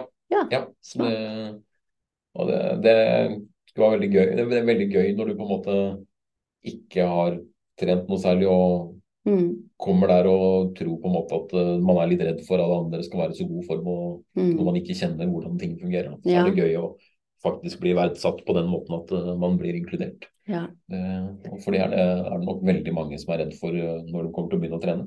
ja. At man tør ikke, for man tror alle andre er så gode og tror de er så gode og sånn. Men Ja, eller at alle ser på deg. ja, ikke minst. Og det gjør de jo ikke. Nei, ikke i det hele tatt. Og De er jo mest opptatt av seg sjøl. Ja, ja, og det er jo sånn når jeg løper, jeg tenker ikke på hvordan andre ser ut. Det spiller ingen rolle. Løp med den kroppen du har, på en måte. Den, Mm. den formen. Jeg, Ja. jeg er ikke den som ser mest elegant ut med mitt løpesteg, men Nei. det er nå det jeg har, og det er den med mine utfordringer og rygg og alt sammen, så, Ja. så blir det sånn som det blir. ja, jeg er langt ifra en gaselle. Jeg, jeg er ikke Therese Falk. Nei, nei, Ikke sant. Det, men altså Mm. så, så man har alle sin, sin greie, så man må bare prøve å Og jeg veit at det er vanskelig. Mm. Jeg har jo fortsatt perioder jeg som jeg tenker at eh, når våren kommer, sånn så jeg kommer i gang med ute, uteløping igjen og sola og du får skyggen, og så bare jeg skvetter litt Oi, er det min skygge, på en måte? Ser det sånn ut? Altså det, men det er noe så stiv jeg er i rygg og kropp og sånn at det Ja. eh, sånn, Du får noen påminner, men Mm. det skal man Det sier jeg nå at det skal man ikke tenke på. Eh, ut og ha det gøy. Gjør, gjør det fordi det er moro. Ja, ikke Eh, sant. Ikke tenk på hvordan man ser ut, eller hvilken fart man Man Mm. klarer ikke å løpe fortere enn det, eller noe sånt. Og så bare Nei, nei. Det, men da klarer du det, da. Mm. Det ja. Ja, eller uansett hva type aktivitet det er òg. Det er sånn så Ingrid, som jeg har hatt i tidligere episode, som eh, driver med styrketrening. Mm. Det der med at uh, vi, vi må ikke være for redde å gå inn på et treningssenter. Nei. Eller om du så begynner, begynner hjemme, eller du løfter lite. Mm. Gjør det du klarer. Ja, Og er eh, få så mye igjen for det hvis du klarer å gjøre det regelmessig. Ja. Og så er det ofte sånn her at eh, mm, folk, eller ja, noen som man tenker at er så vanvittig spreke, så er ikke det sikkert det er sånn tilfelle. Mm. Man blir ofte litt lurt på sosiale medier. og i, det, Uansett hva slags person man er, så liker man Alle liker å vise seg fra sin beste side. Mm. Så når, du, når jeg legger ut bilde av meg med noen unntak, så prøver jeg å ta bilde som viser når jeg, når jeg sjøl tenker jeg ser best ut, finest ut, eller hva man skal si. Mm. Og sånn, og det, så det er fort å bli lurt av sosiale medier der. Sånn. Så det, Ja. og sånn når jeg, jeg er jo der at eh, det er mange som har sagt til meg, eller som har spurt om å bli med, iallfall før man til å trene og sånn, så og jeg, jeg av hofter og sånn, så løper jeg ikke så fort. Mm. Og da er det vant til det er mange som spør bare bli med, liksom. Men dem har ikke jeg sjans til å henge med. Dem, gjerne dem som invitasjonen kommer fra. Da. Så når jeg på en måte før spurte dem som var i min kategori, ifølge meg sjøl, da. Men så fikk man ikke helt innpass der heller, fordi at eh, jeg var så sprek, for jeg løp jo så langt. Ja, eller Ja. Du, ja, du trente, og Ja. de trente ikke så ofte. Nei, nei men altså Altså, dem tenkte at eh, det var ikke noe vits i å ha meg på dems trening, fordi at jeg er så vanvittig sprek fordi jeg løper så langt. Mm. Men uh, greia mi er jo at uh, jeg er, jeg er seig. Ja. Jeg hold, holder ut lenge, på en måte. Ja, der er vi like. Ja, Jeg liker heller å løpe langt og, og, og rolig. ja, det Mm. er Og jeg veit jo om folk som ikke er i nærheten av å løpe så langt som jeg gjør, eller trene den mengden jeg gjør, men de løper jo fletta av meg. Men Mm. det tenker de ikke at de gjør, fordi at jeg løper så langt. Ja. Men jeg løper jo ikke noe fort. og Jeg er ikke, jeg er ikke sprek i den forstand at jeg spurter fra den ene til den andre, liksom. For de andre spurter fra meg. Men når de møter og ikke orker lenger, så kommer jeg som skilpadda og Mm. tar dem igjen og fortsetter, på en måte. Det er jo Mm. litt sånn der, og det har vært en, var, eller var en greie som jeg syntes var litt vanskelig, sånn når du prøvde å, å få litt få noen å trene sammen. da. Jeg trener mye alene. Trener Mm. stort sett alltid alene, med noen få unntak. Ja, jeg gjorde det i mange, mange år. Mm. Utenom de gangene jeg gjerne løpte med Maria før eh, eh, ja, ungene ble eldre, og det ble mer og mer med ungene å gjøre. Ja. Eh, og ikke minst at vi ikke bor så veldig nærme hverandre. Liksom. Jeg bor jo rett med Sandvika, hun bor i Oslo. Ja. Men, eh, og, og tidsklemma er der. Mm. Så jeg òg har vært vant med å løpe. Men siden 2019 så har jeg løpt veldig mye med venninnen min Lorne Wenche, som også da bor Asker Bærum. Ja. Eh, men de er jo mye raskere enn meg. Mm. Men så, etter jeg hadde vært hos Ingrid Kristiansen og tatt terskeltest, Mm.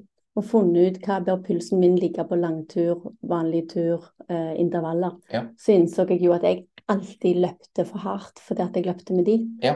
Så nå er det heller sånn hvis jeg har en langtur, så kan jeg løpe deler med de, og Mm. de roer ned tempo, Ja, og så løper jeg videre alene. Mm. Så det òg er jo viktig å, å finne sitt tempo, eller Ja.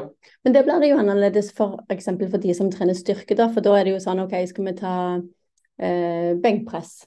Mm. så tar du jo av og på vekter. Sant? Der Ja. er det jo et helt annet eh, måte å trene sammen med andre, for da trenger du ikke løfte det samme. Nei, ikke sant. Det er, men det er jo når det kommer til løping som, som Og det er, jeg tror det er når det kommer til løping som folk har, kvier seg mest for å bli med andre Mm. som man ikke kjenner. Man vil gjerne kjenne dem man løper godt med, fordi at man veit ikke ja. temponivå og sånn. Men Mm. ofte iallfall baktroppfolk, og det tror jeg nok de gjør oppover, og de tilpasser seg. Mm. Det, der er i hvert fall jeg at hvis jeg løper sånn, så tilpasser jeg meg dem jeg løper med. Uh, Ja, ja. Klarer ikke dem å løpe, løpe mitt tempo, nei, da, da slakker jeg tempo. Og Mm. Så håper jeg ikke at dem løper fortere enn meg hvis de ikke slakker tempo. så, Ja, en test jeg gjør, er jo å prøve å få de som jeg ikke har løpt med før, jeg prøver å få de til å prate.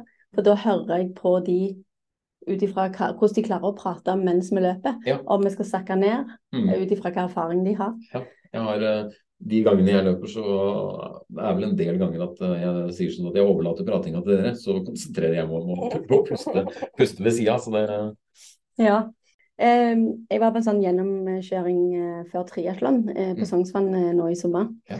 Og da var det jo svømmebiten, og så skulle vi sykle og dele oss inn i puljer. Og så skulle vi jo løpe litt på slutten, da, og så var det en som presenterte dette. Og så sa han ja, så tar vi en sånn liten eh, Vi tar fem kilometer etterpå i, i rolig tempo. Mm. Og så er det helt stille. Så er det sånn 30 stykker der. Og da klarer jo ikke jeg å dy meg. Jeg rekker opp hånda og sier eh, rolig tempo, og det er ca. Og Ja. da, da sier jeg nei, det er seks minutter på kilometeren. Og da kan jo jeg bare vinke farvel. Ja. Det er jo som om jeg skulle springe sentrumsløpet. Jeg er jo så treig. Så, så jeg sa til dem nå gjorde jo jeg min siste triatlon nå i august. Så sa jeg til dem etterpå at eh, hvis de vil ha med noen som kan ta og føre baktroppen på Mm. en sånn gjennomkjøring, Ja. hvor folk skal bli kjent med løypa, så kan jeg stille som frivillig. Mm. For det jeg Altså, jeg vet jo at jeg er baktropp, og det finnes flere folk enda lenger bak meg. Ja. Men jeg kan i alle fall møte dem på en annen måte enn Mm. de som er raske, så tror de løper sakte. Ja, ja det, det er en veldig god ting. Mm. Uh, å kunne, iallfall du som har, med all den erfaringa du har, og Mm. også kunne vise at Nei, Hei, bli med. Det, Ja. det er ikke så farlig. å- Det er ikke så galt. Men du har jo vært med på triatlon, du òg. Hvordan ramla du opp i det? Ja, det var eh, Ole Kristian Bakkene, da. Mhm. Det, han Midtlivskrise i Lykra-bloggen. Ja. Han eh, Det var jo 2017-2018, kanskje? Mhm. Noe sånt noe, rundt, rundt der sånn, så det var jo Insta-konkurranse, da. Konkurranse på Instagram. Og hvis du skriver navnet ditt eller tagger noen eller sånt, så kan du vinne Mm. et eller annet. Og han hadde en konkurranse, og han skulle samle en gjeng. Egentlig for å bli med på noe som het eh, Det var på Hvaler i triatlon. Eh, Super Try Å ja. eh, distanse. Var det Østfold? Eller Ja, gamle, gamle ja, Østfold? ja. Mm.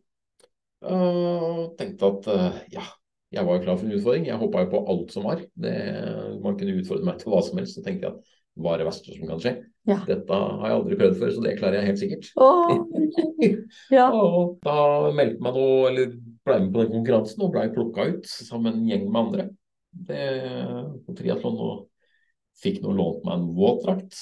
på et eller annet eh, størrelse på Asako. Jeg vet ikke om det var, det var noen europrisgreier i hvert fall. Men så det ja. fikk meg nå til å flyte. Jeg svømmer jo som en skiftenøkkel. Jeg synker synker jo med en gang. Så det og prøvde meg litt på å svømme. Og dro ut tidlig om morgenen før jobb, sånn at ingen skulle se meg med den der vå- Jeg følte meg, jeg følte meg så dum med den der våtdrakta. Var fornøyd da, da tror jeg jeg hadde klart å svømme 50 meter eller noe sånt, og da var jeg knallfornøyd. Tenkte jeg bare, Da gikk jeg på vannet igjen, da har jeg trent litt nå. Så kommer vi iallfall til dette her eh, på, på Hvaler, da ja. Og skulle uti der. Og jeg var så nervøs på forhånd fordi at folk begynte å snakke om at de håpa at, at, det var- at det var så varmt i, varmt i vannet at, de at vi ikke fikk lov til å ha på oss den våtdrakta. Mm. Og jeg, da kjente jeg begynte å få litt panikk. ja. Tenkte jeg bare nei, for guds skyld, det, da synker jeg jo. det er jo den, den som redda meg. Men så, og kom uti der, da. Og blei desidert bakerst på den svømminga. Og Ole Kristian svømte ved sida av meg og prøvde å gi meg råd og sånn der, og jeg kava, og det var litt bølger, og jeg svelga vel mer vann enn det som var i fjorden der omtrent. Og sånn, og så var det en på kajakk, sånn livvakter og livvakter sånn på kajakk ved sida, som satt av Jeg må- jeg kikka liksom opp på han, så drev han og ga meg tips, og så ga Ole Kristian ga meg tips. Jeg ble jo helt forvirra. Sånn, det var jo bare 300 meter svømming. Oh, ja. Men det var utfordrende nok, det. Altså, så, men eh, jeg kom meg nå rundt. Eh, og da sto, når vi kom opp av vannet, så sto alle de som skulle på olympisk distanse. Mhm. De sto der, og det var alle bare jubla og klappa idet jeg kom opp av vannet. Jeg bare, det var liksom sånn rockestjerne-feeling, liksom. Og jeg kom absolutt desidert sist opp av det vannet der. Og det var så vanvittig kult, på en måte at du blir Ja. tatt imot så bra når du Ja. på en måte gjør det så dårlig. Ja, men du har kjempa så hardt. Ja, og så blir du allikevel tatt så bra imot. Det, og det sier litt om miljøet, da. Mm. På hvor, eh, for alle dere som ikke tør. Mm. Det er så bra blir man tatt imot. Ja. Uh, da var det bort og fikk uh, skifta til sykkel, var det vel. Ja. Og jeg sykler ca. like dårlig som jeg svømmer. det, er, uh, det er ikke min greie det heller, så jeg husker ikke hvor langt det var. det Fem kilometer sykling eller sånt nå. Okay. Tror jeg det var fem kilometer eller en mil. Jeg Mm. husker ikke helt hva det var for noe. Og kom han rundt dette greiene her som Ole Kristian hadde på meg. Og Ole Kristian hadde da sagt at han, oppgaven hans var at han skulle få han, han skulle passe på at ingen kom sist i mål, så han skulle få alle i mål. Mm. Og sånn så og fikk meg rundt på syklinga og begynte å løpe. Og da var jeg helt Jeg hadde aldri trent på det der overganger og alt dette her. Bytte fra sykling til løping og alt dette her. Sånn, Ja. så jeg fikk jo ikke til å løpe noe omtrent. Fikk det du da? krampe? Nei, det var hofter og kropp ville bare ikke. Det, så jeg halta litt og småyoga litt og gikk Mm. litt og sånn. Og så nærma jeg meg mål, og så da sier Ole Kristian at eh, da snudde han for å dra tilbake for å plukke opp neste som var lenger bak som enn meg. For du hadde tatt folk igjen? Ja, et eller annet, jeg veit ikke hvor det har skjedd, hen, men eh, han skulle iallfall få noen andre i mål. Så, Ja. så jeg kom jo i mål, da, og jeg var jo strålende fornøyd og endelig fullført, og så ble jeg jo klassevinner. Nei. Det var riktignok bare meg i klassen, Ja. og Ole Kristian, men han hadde, Ja. jo, hadde jo som oppgave å, å skulle ha neste eller siste i. Så Gratulerer. hjertelig. Så Mhm. en seier er en seier, eller en klasseseier er en klasseseier. Ja. Det, det, sånn, så det, og da tenkte jeg at eh, det skal jeg ikke gjøre igjen. Brutaliteten Mhm. kom plutselig, fordi at eh, jeg opp- kom jo plutselig på det at eh, jeg var jo påmeldt Horten bytri helga etter. Oi! Du var allerede på Jeg var allerede, på, allerede på, men jeg meldte meg egentlig på Horten bytri før jeg meldte meg på, eller blei med vant den plassen på Hvaler triatlon. Og sånn, så da var det jo i Horten.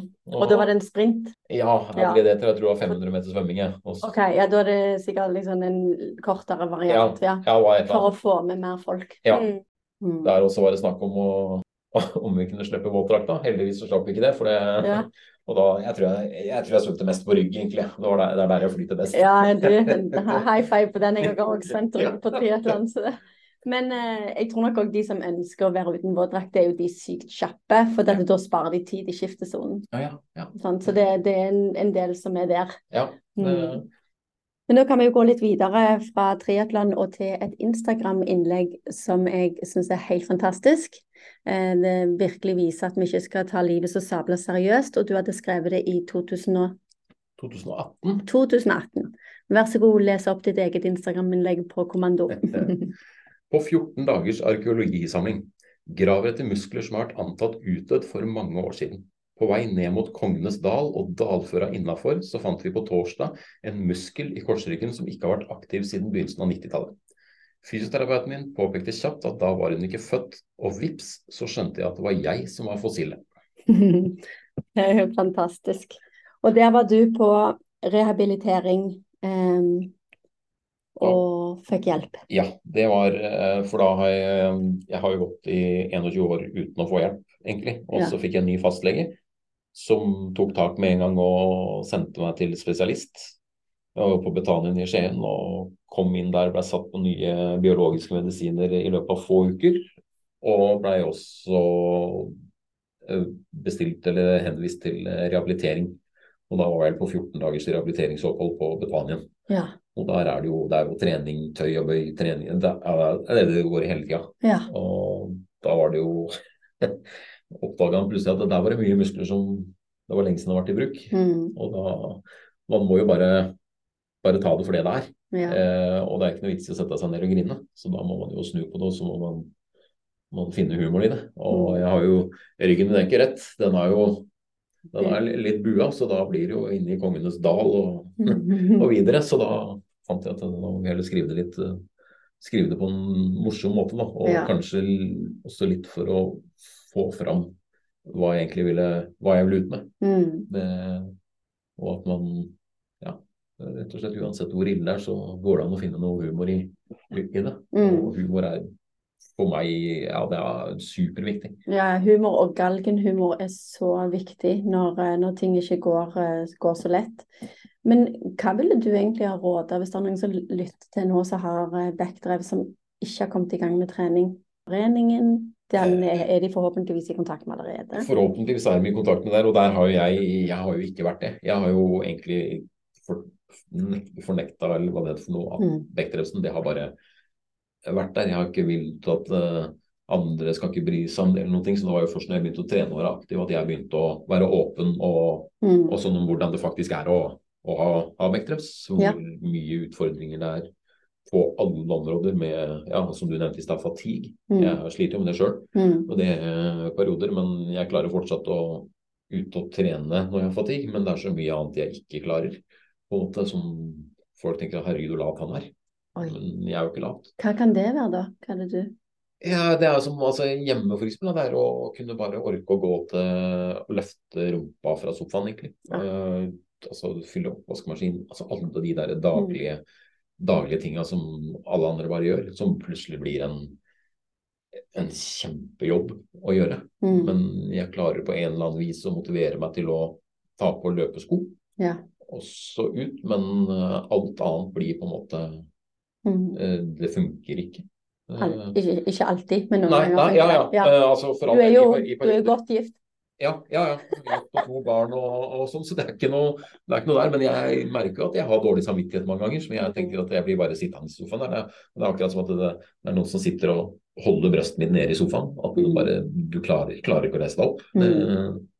Ja, og det er vel en del av det der med aksept, med at er, jeg er ikke 100 frisk. Der er, der er, noen dager er skikkelig dårlig, og da må vi ta det med ro. Ja, og, men det er veldig vanskelig å, fordi at man, man klarer ikke helt å si at oi, fatigue. Mm. Man Kobler ikke. Det, nei, det er, altså, det, er det, det, sier, det, er ikke noe som forteller at nå er det fatigue. Mm. Det, det, viser ikke på blodprøven, det. Nei, nei, det gjør ikke det i det hele tatt. Så når du sitter der, så det, du på en måte nesten skjønner det litt mer nesten litt i ettertid. Mm. på en måte at Å ja, selvsagt så er det jo skjønner jeg hva, hva, hvorfor jeg ikke har orka å gjøre noen ting. på en måte. Mm. Det, Men, du, vi klarer ikke å, Det hjelper ikke å sove en time på sofaen og så ja, da var jeg pigg og rask.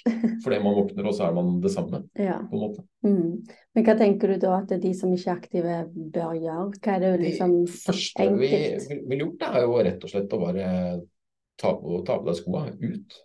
Ut og utføre, som jeg sier da. Ja. Altså, Gå, gjør, gå tur? Ja, gå tur og så få litt puls. Mm. Det er jo første bud, få puls. Mm. Og der, eh, Jeg håper ikke jeg tråkker noen på tærne nå, men uh, noen ganger så sier man at ja, jeg har vært, på, jeg har vært aktiv i dag. Mm. Jeg har kløpt plen f.eks. Mm. Eller jeg har vært på kjøpesenter og jeg har fått skrittene mine mm. på telefonen eller klokka. eller noe sånt.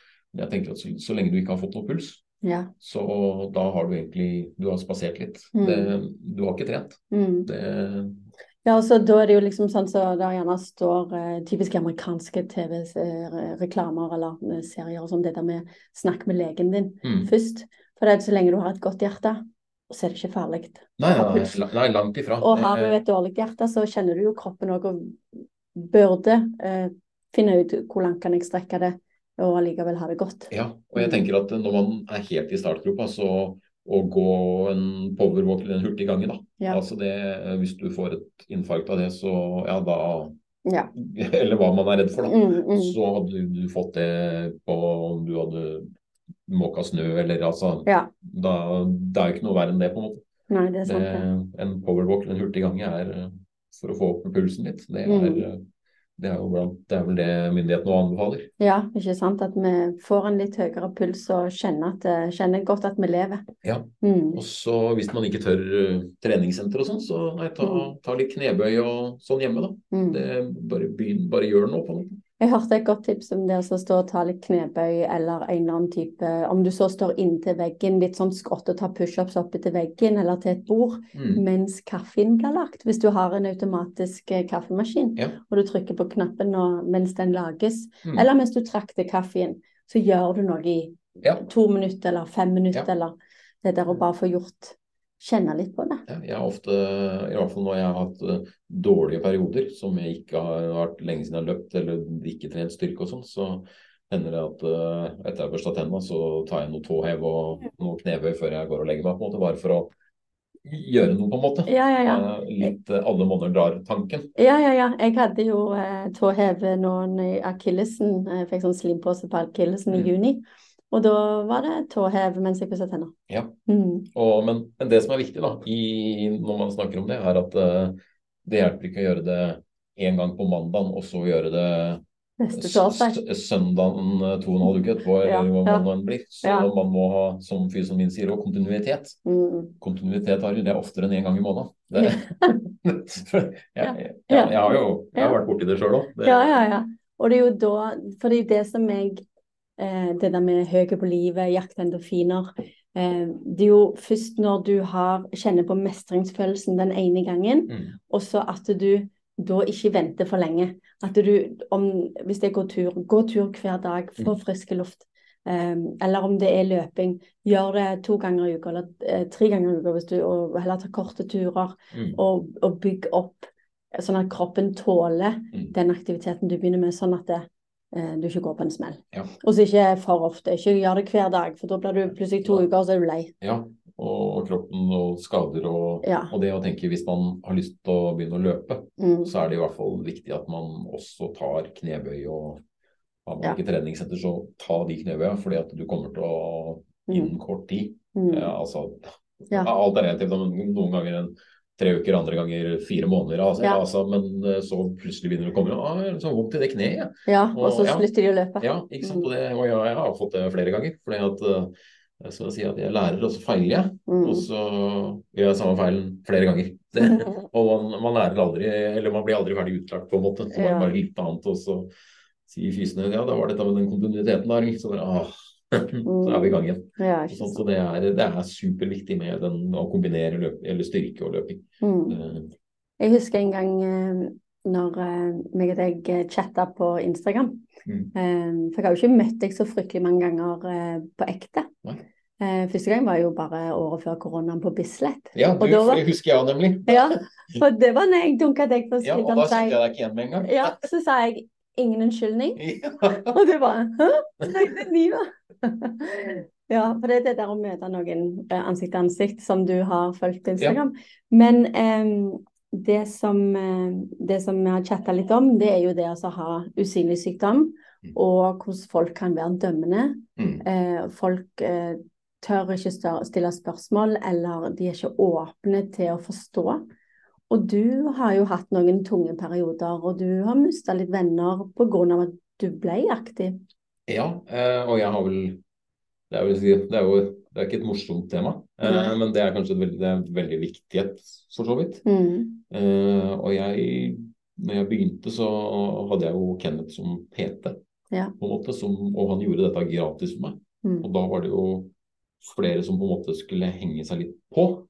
Og bare 'Å, jeg kan ikke bli med deg i bakken', eller 'kan ikke jeg bli med dit?' Og sånn. Så måtte jeg Og da var det sånn der, nå tenkte jeg at nå skal jeg endelig ta, ta ansvar for min helse. Nå skal jeg på en måte snu fra tidligere veide godt over 100 kilo og Røyka røyka masse og sånn og livsstilforandring og sånn på en måte. Så da var jeg rett og slett at nå er det meg.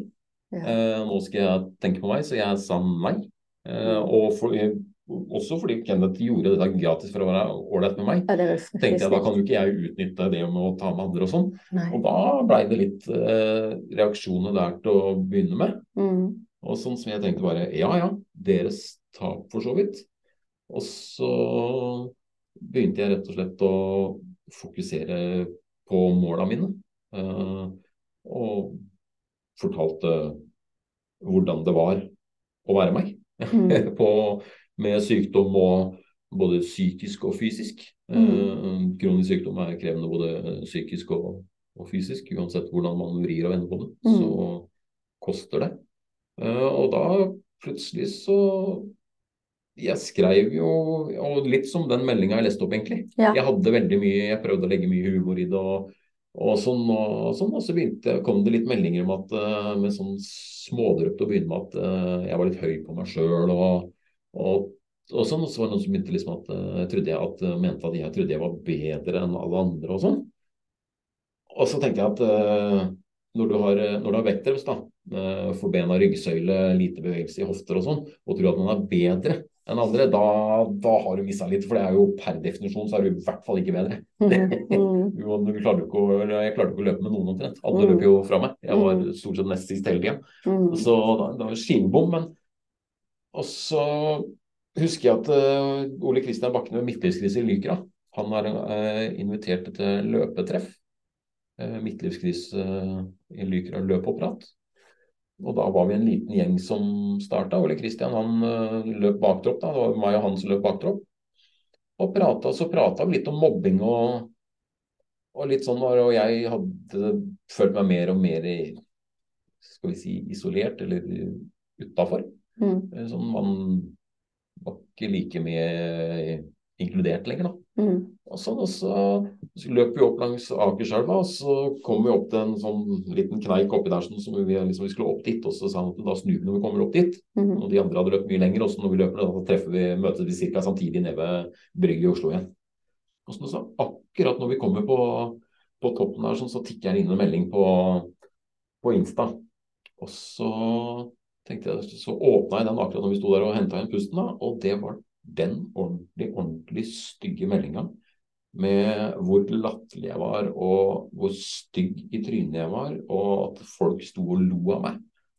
Blant annet også når jeg blei litt sånn der, så og det var sånn derre eh, Litt sammentreff, da, at meg og Ole Kristian vi hadde samtale om akkurat den der nettroll og det greiene der sånn.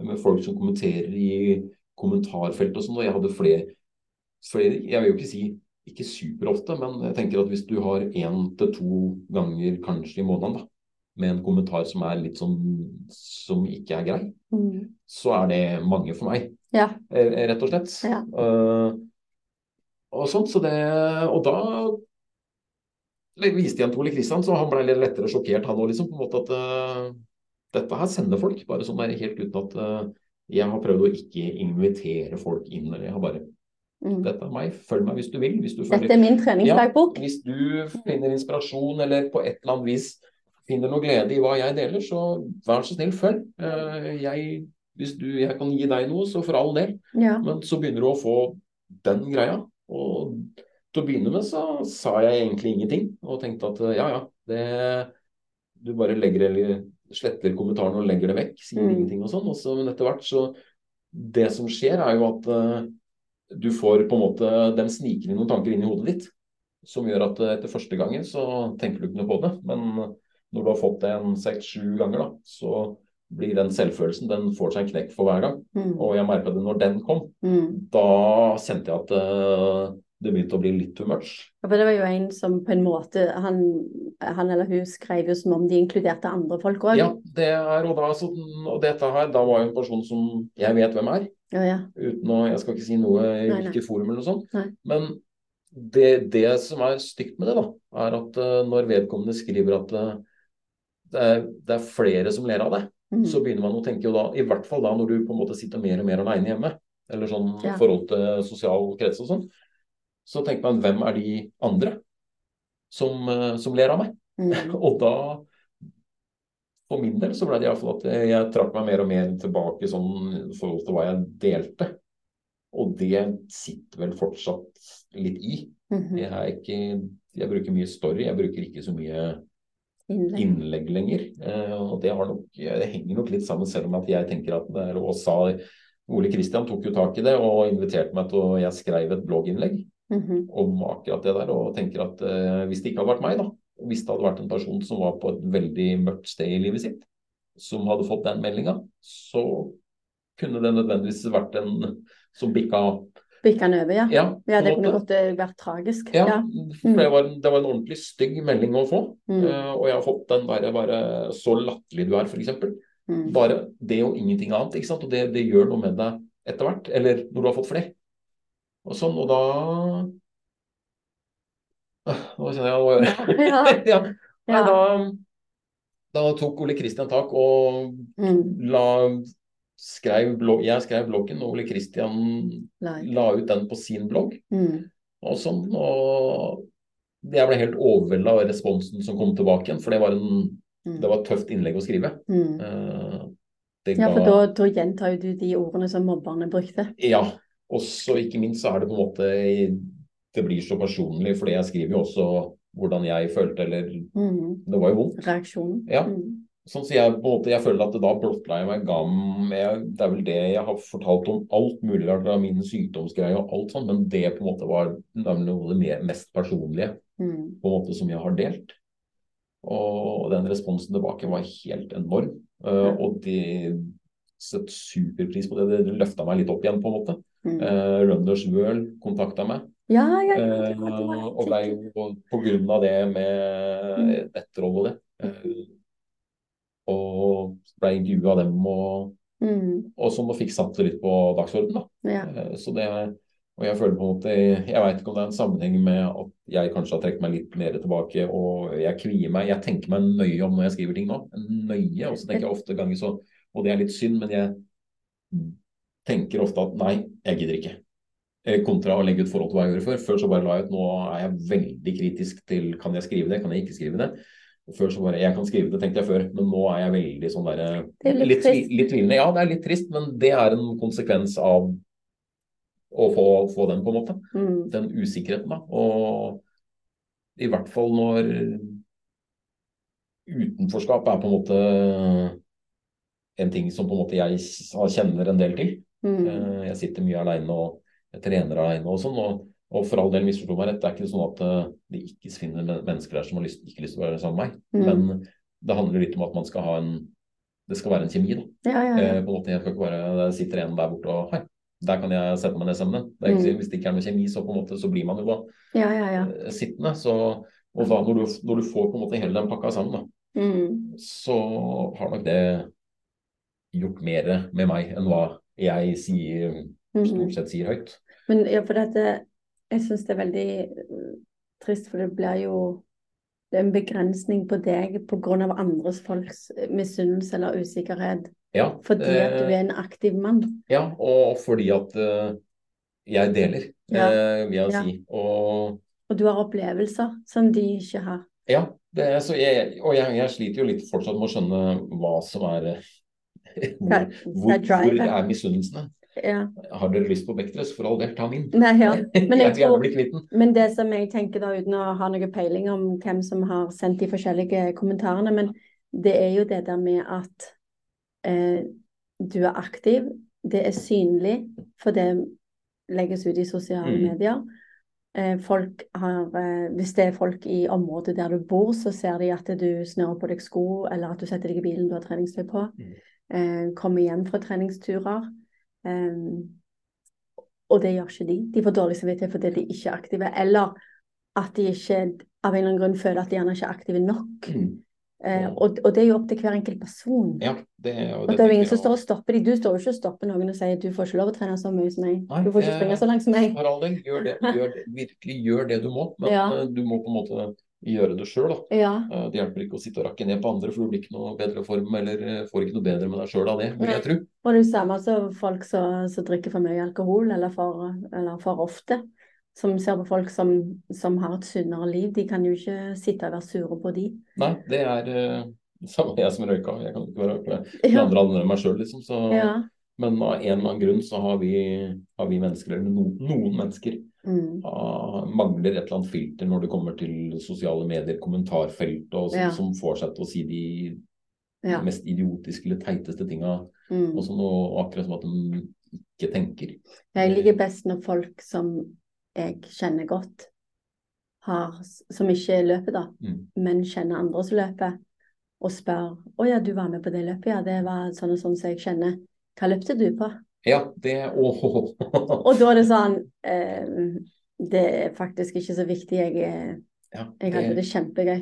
Og, og da kan jeg bare ta hva, jeg sprang rett inn i målet. Mm. Jeg hadde det kjempekjekt. Ja, Ja, men hva løpte du på, da? Ja, nei, det er ikke så viktig. Jeg hadde det kjempe... fullført. Ja, det er det aller viktigste, og det er det som er eh, som jeg liker med ultramiljøet spesielt, det er bare eh, hvordan var turen? Mm. Det er Ja, det Ja. gikk det bra. Mm. Og det er liksom tida er liksom nummer tre på lista, på en måte. Ja, ja, ja. Det er sånn, det, det, det jeg liker med det som jeg sier med, med ultraløping, det er sånn bed- bedagelig løping. Det Mm. stresser ikke med den tida. ja. Bare så lenge man fullfører innen tidsfristene som er satt av arrangør, så, så er det det viktigste. ja. Og sånt, og det, virkelig. ja.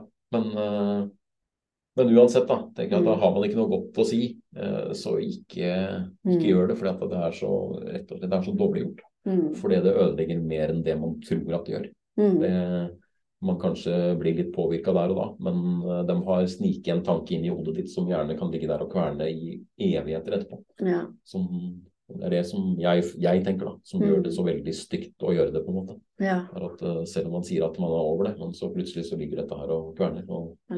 I hvert fall da, som jeg sier, da, som jeg sitter eh, fortsatt i dag, så sitter jeg mye aleine. Trener alltid aleine og, Ja. og sånn liksom. Så jeg har hatt et par treningsøkter nå med noen kollegaer, på ellers er det stort sett alltid aleine.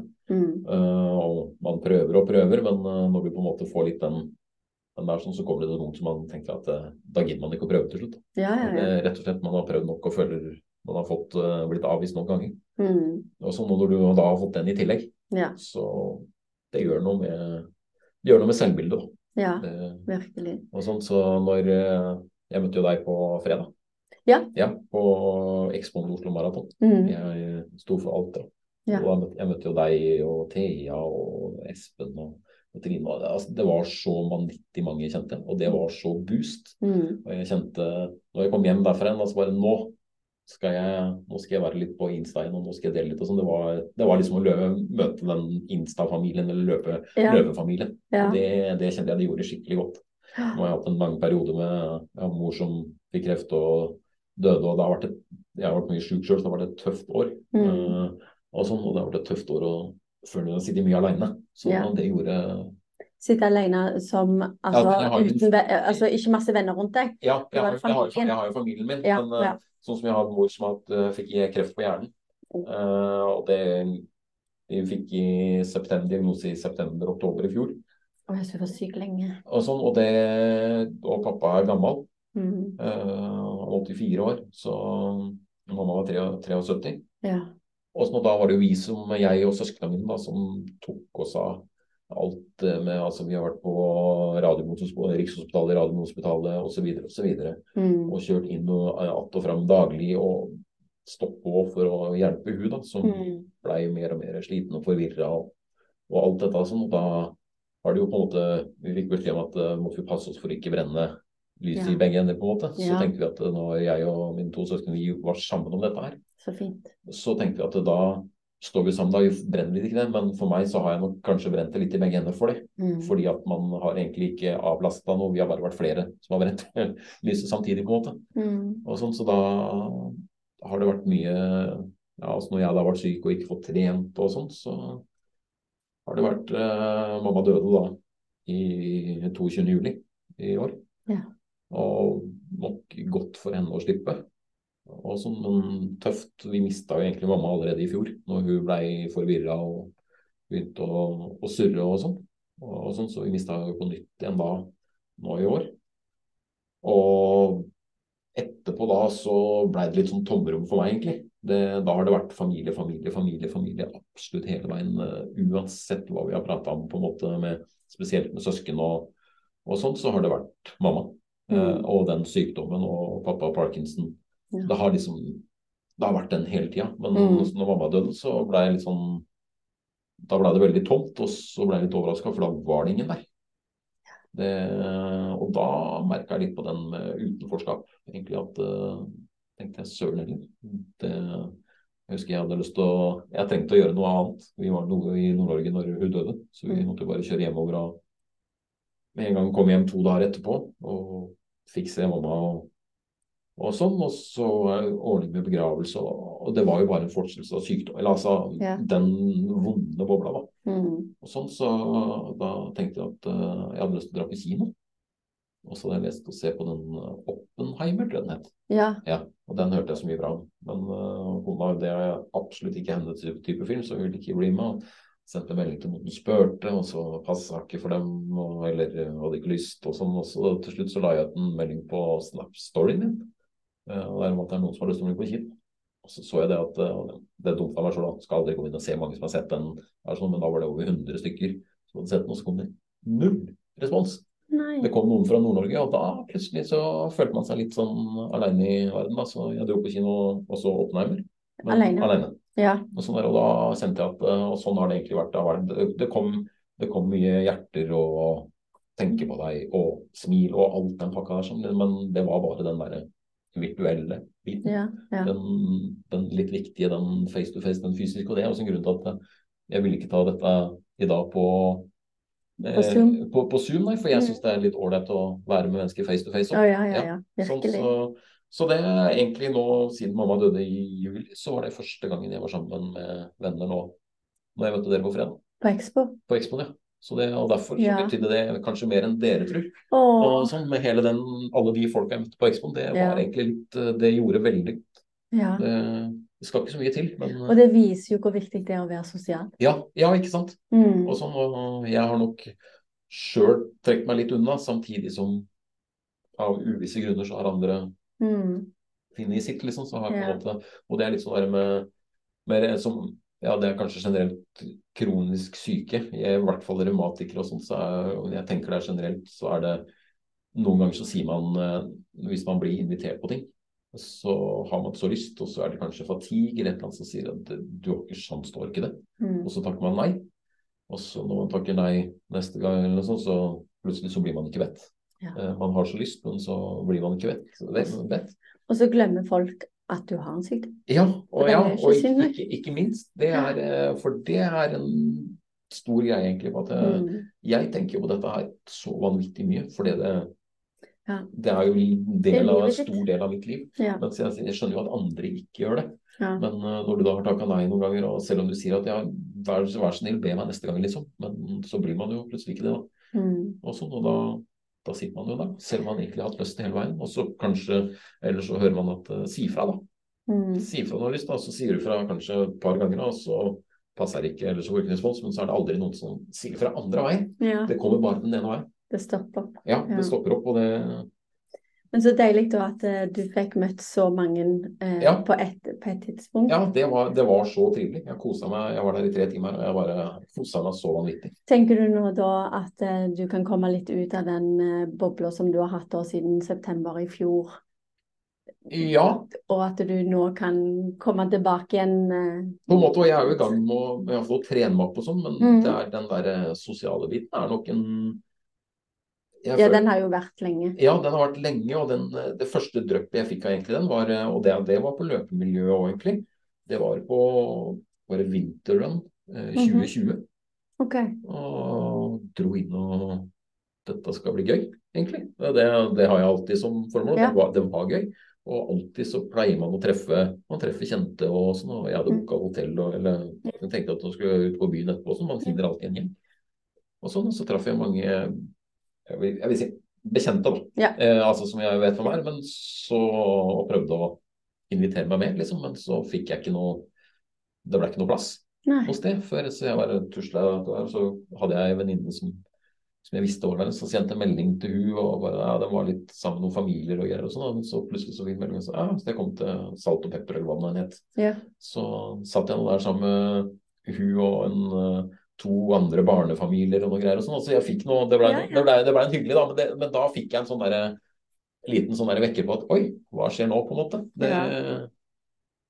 det, er, det er ikke alltid, selv i løpemiljøet, så hender det opp at uh, man fort kanskje glemmer noen. Mm. Det, det, det merka iallfall jeg godt da. Men du har noen planer framover? Ja. Hva? Det er jo på den positive siden. ja, Fortell. det henger, eh, henger jo kanskje litt sammen med dette her òg. Og Mhm. det gjelder å ta litt tak i, i ting. Mhm. Så, og da regner jeg med at du tenker på midtlivskrise i Lykra. Yes. Ja. Fordi at eh, jeg har vært i kontakt med Ole Kristian Bakne fordi at midtlivskrise i Lykra Og det tenker jeg at når dere hører navnet midtlivskrise i Lykra, det er så genialt. Er. Alle heier på deg hvis du kommer med en T-skjorte det står midtlivskrise i Lykra. Alle skjønner hva du er for. Du er, du er ikke bedre, du er ingenting. Du bare prøver å gjøre ditt beste. Midtlivskrise i Lykra. Ja. Du blir applaudert hele veien. Og det når, etter at første gang Ole Kristian arrangerte midtlivskrise i Lykra løp og prat, så var jeg egentlig solgt. Jeg elska konseptet. Eh, lavterskel så det holder. Eh, og møtes på brygget i Oslo, løper litt. Vi har tre grupper, baktropp midt imellom og de litt raske. Og så samles vi etter å ha løpt en times tid og har det sosialt etterpå. Ja. Og, sånn, og det holdt vi på en god stund, og så ble det stopp når pandemien kom. Og Ole Kristian hadde sine ting å drive med, og Ja. la ned bloggen sin og sånn, og så har det ligget litt brakk siden. Så nå i sommer så var jeg rett før ferien så var jeg i kontakt med, tok jeg kontakt med Ole Kristian. Og så spurte jeg om å få lov til å bruke navnet Hvitlyskrise i Lykra løp og prat for å dra i gang løp og prat-kvelder igjen. Ja. Og det fikk jeg jo helt go på. Det var jo Ole Kristian sa, det var akkurat i hans ånd sa han at han håpa at noen ville ta tak og få det i gang igjen. For det, det handler jo ikke om Ole Kristian hadde bloggen Midtlivskrise Lykra, men det handler jo om så mye mer. ja. Det er jo et fellesskap. Mm. på en måte som, og det der har jeg mye av mine løpender har jo kommet via Midtlivskrise Lykra. Mm. Og det er i Oslo du tenker å starte opp? Ja, vi tenker jo i utgangspunktet Jeg har fått med et par til, som, mm -hmm. tre til som, har lyst, som var med før, som har lyst til å få til dette her igjen. Mm -hmm. Har du lyst til å nevne de? Det er eh, Birger Schjøtt, -hmm. og så er det Camilla Friseid og Roy Støle. Ja. Og dem har jo, den gjengen har vært med i, i mange år. Mm. Så vi har laga en liten gruppe, og så er målet rett og slett å starte løp og prat. Ikke noe, ikke noe mer enn det til å begynne med, egentlig. Er det, for å bare få det samlingspunktet. Mm. Så har vi ikke Vi begynner nok i Oslo, men om det bare blir i Oslo, det har vi ikke landa på. For det er jo mange som bor på Østlandet Ja, ja. den gjengen der, som man kanskje møttes i Drammen en gang, eller Moss, eller, Ja. eller altså, ja, der er vi, vi har ikke landa helt der, så vi jobber litt med på det. Men Mm. vi regner med at uh, før jul så blir det et treff. Å, Det er, det er må- må- målet. Skal dere starte en egen Instagram- eller Facebook-side på det, eller skal Hvis det er noen som hører noe Facebook-sida Midtlivskrise i Lykra eksisterer jo, Ja. så jeg regner med at det blir en fortsettelse på den. på Ja. en måte. I hvert fall den løp og prat-biten. Mhm. Ja. Så hvis noen er interessert, så kan de gå på Facebook og søke opp 'Midtlivskrise i Lykra'. Ja. Og så er jo, og det er jo den, Ole Kristian er jo syklist opprinnelig, så, men vi, har, vi fokuserer på løpedelen. Så kan Mm. nok tenkes at det er andre som har lyst til å fokusere på Ja. sykkeldelen også, men vi har liksom den ja, så kunne de eventuelt ha hatt samme møteplass, men de sykler en annen plass. Ja, eller hva, det, hva nå det Ja, Men eh, for, for min del så Jeg har en sykkel, og den står i garasjen, og der, Der skal den stå. Der har den stått i tre år, så det Sykkel er ikke min, min greie, liksom. Men, Nei. Nei, så det, men det er en ting jeg på en måte brenner for. Og, og det å kunne melde seg på under Lykra. Ja. Det er på en måte, det er ikke en klubb, men jeg melder det på Det er lav-. Lavterskel, Ja. og der er ikke vits å spørre hvor sakte er sakte, for Nei, der det- eh, blir det det tempoet som den siste Ja, eller det blir det tempoet som en midtlivskrise får til, Ja. rett og slett. Ja. Noen får, får det fort, andre får det ikke til. Så det, Så flott. så det, ja, så det er, eh, og det er noe jeg, jeg gleder meg til å være i gang med, Ja. rett og slett. Og jeg, jeg unner deg all lykke til med den der. Har du satt noen mål for noe løp, eller er det for tidlig? Nei, det er jo ikke for tidlig. Jeg, på, jeg henger litt etter, eller jeg, jeg er godt i gang igjen nå, da. Jeg har vært mye syk og sånn siste året. Mm. Både ja, Mm. med mamma og alt det, så pluss egen greier. Men um, første mål er Soria Moria til verdens ende neste år. Ja. Det, jeg løp i 100-marsen i fjor, og jeg har lyst til å gjøre det igjen. fordi at når jeg kom i mål i fjor, så Jeg følte ikke noe glede. Og jeg har fortsatt egentlig ikke følt noe glede over det resultatet. Mhm. Og det, det syns jeg egentlig er litt trist, det, og det overraska meg litt, fordi jeg trodde jeg skulle bli så sinnssykt stolt. Mm. Og så var jeg så sliten og så ned i kjelleren når jeg kom. Det hadde bare så vondt at uh, jeg klarte ikke å glede meg over det da. Du numma det bort. Ja, jeg Ja. har et bilde som jeg står med hendene i Ja. men det var egentlig bare for, for bildets skyld. Det er ikke noe jeg, Det var, fantes ikke noe glede i kroppen, men så var det at jeg tenkte at det kommer nok. Men det har aldri kommet. Så jeg har, jeg har egentlig som mål at jeg skal ta den 100-marsen igjen og å få følelsen. jeg skal ha en bedre følelse, jeg skal ha en bedre gjennomføring. da. Nå, Ja. Det er eneste egentlig 100-marsen jeg har gjort. og jeg skal ta en 100-mars, eller jeg har lyst til på flere, men jeg har Mm. lyst til å ta den med en bedre følelse etterpå. Ja. Sånn så jeg har en større jobb å gjøre, da. Og når er det den Soria Moria til er verdens ende? siste halvdel av mai, Ja. Så Mm. det er tida, da. Ja, ja, ja. Jeg trener både styrke og, og løp og sånt, så Og trapper og ja.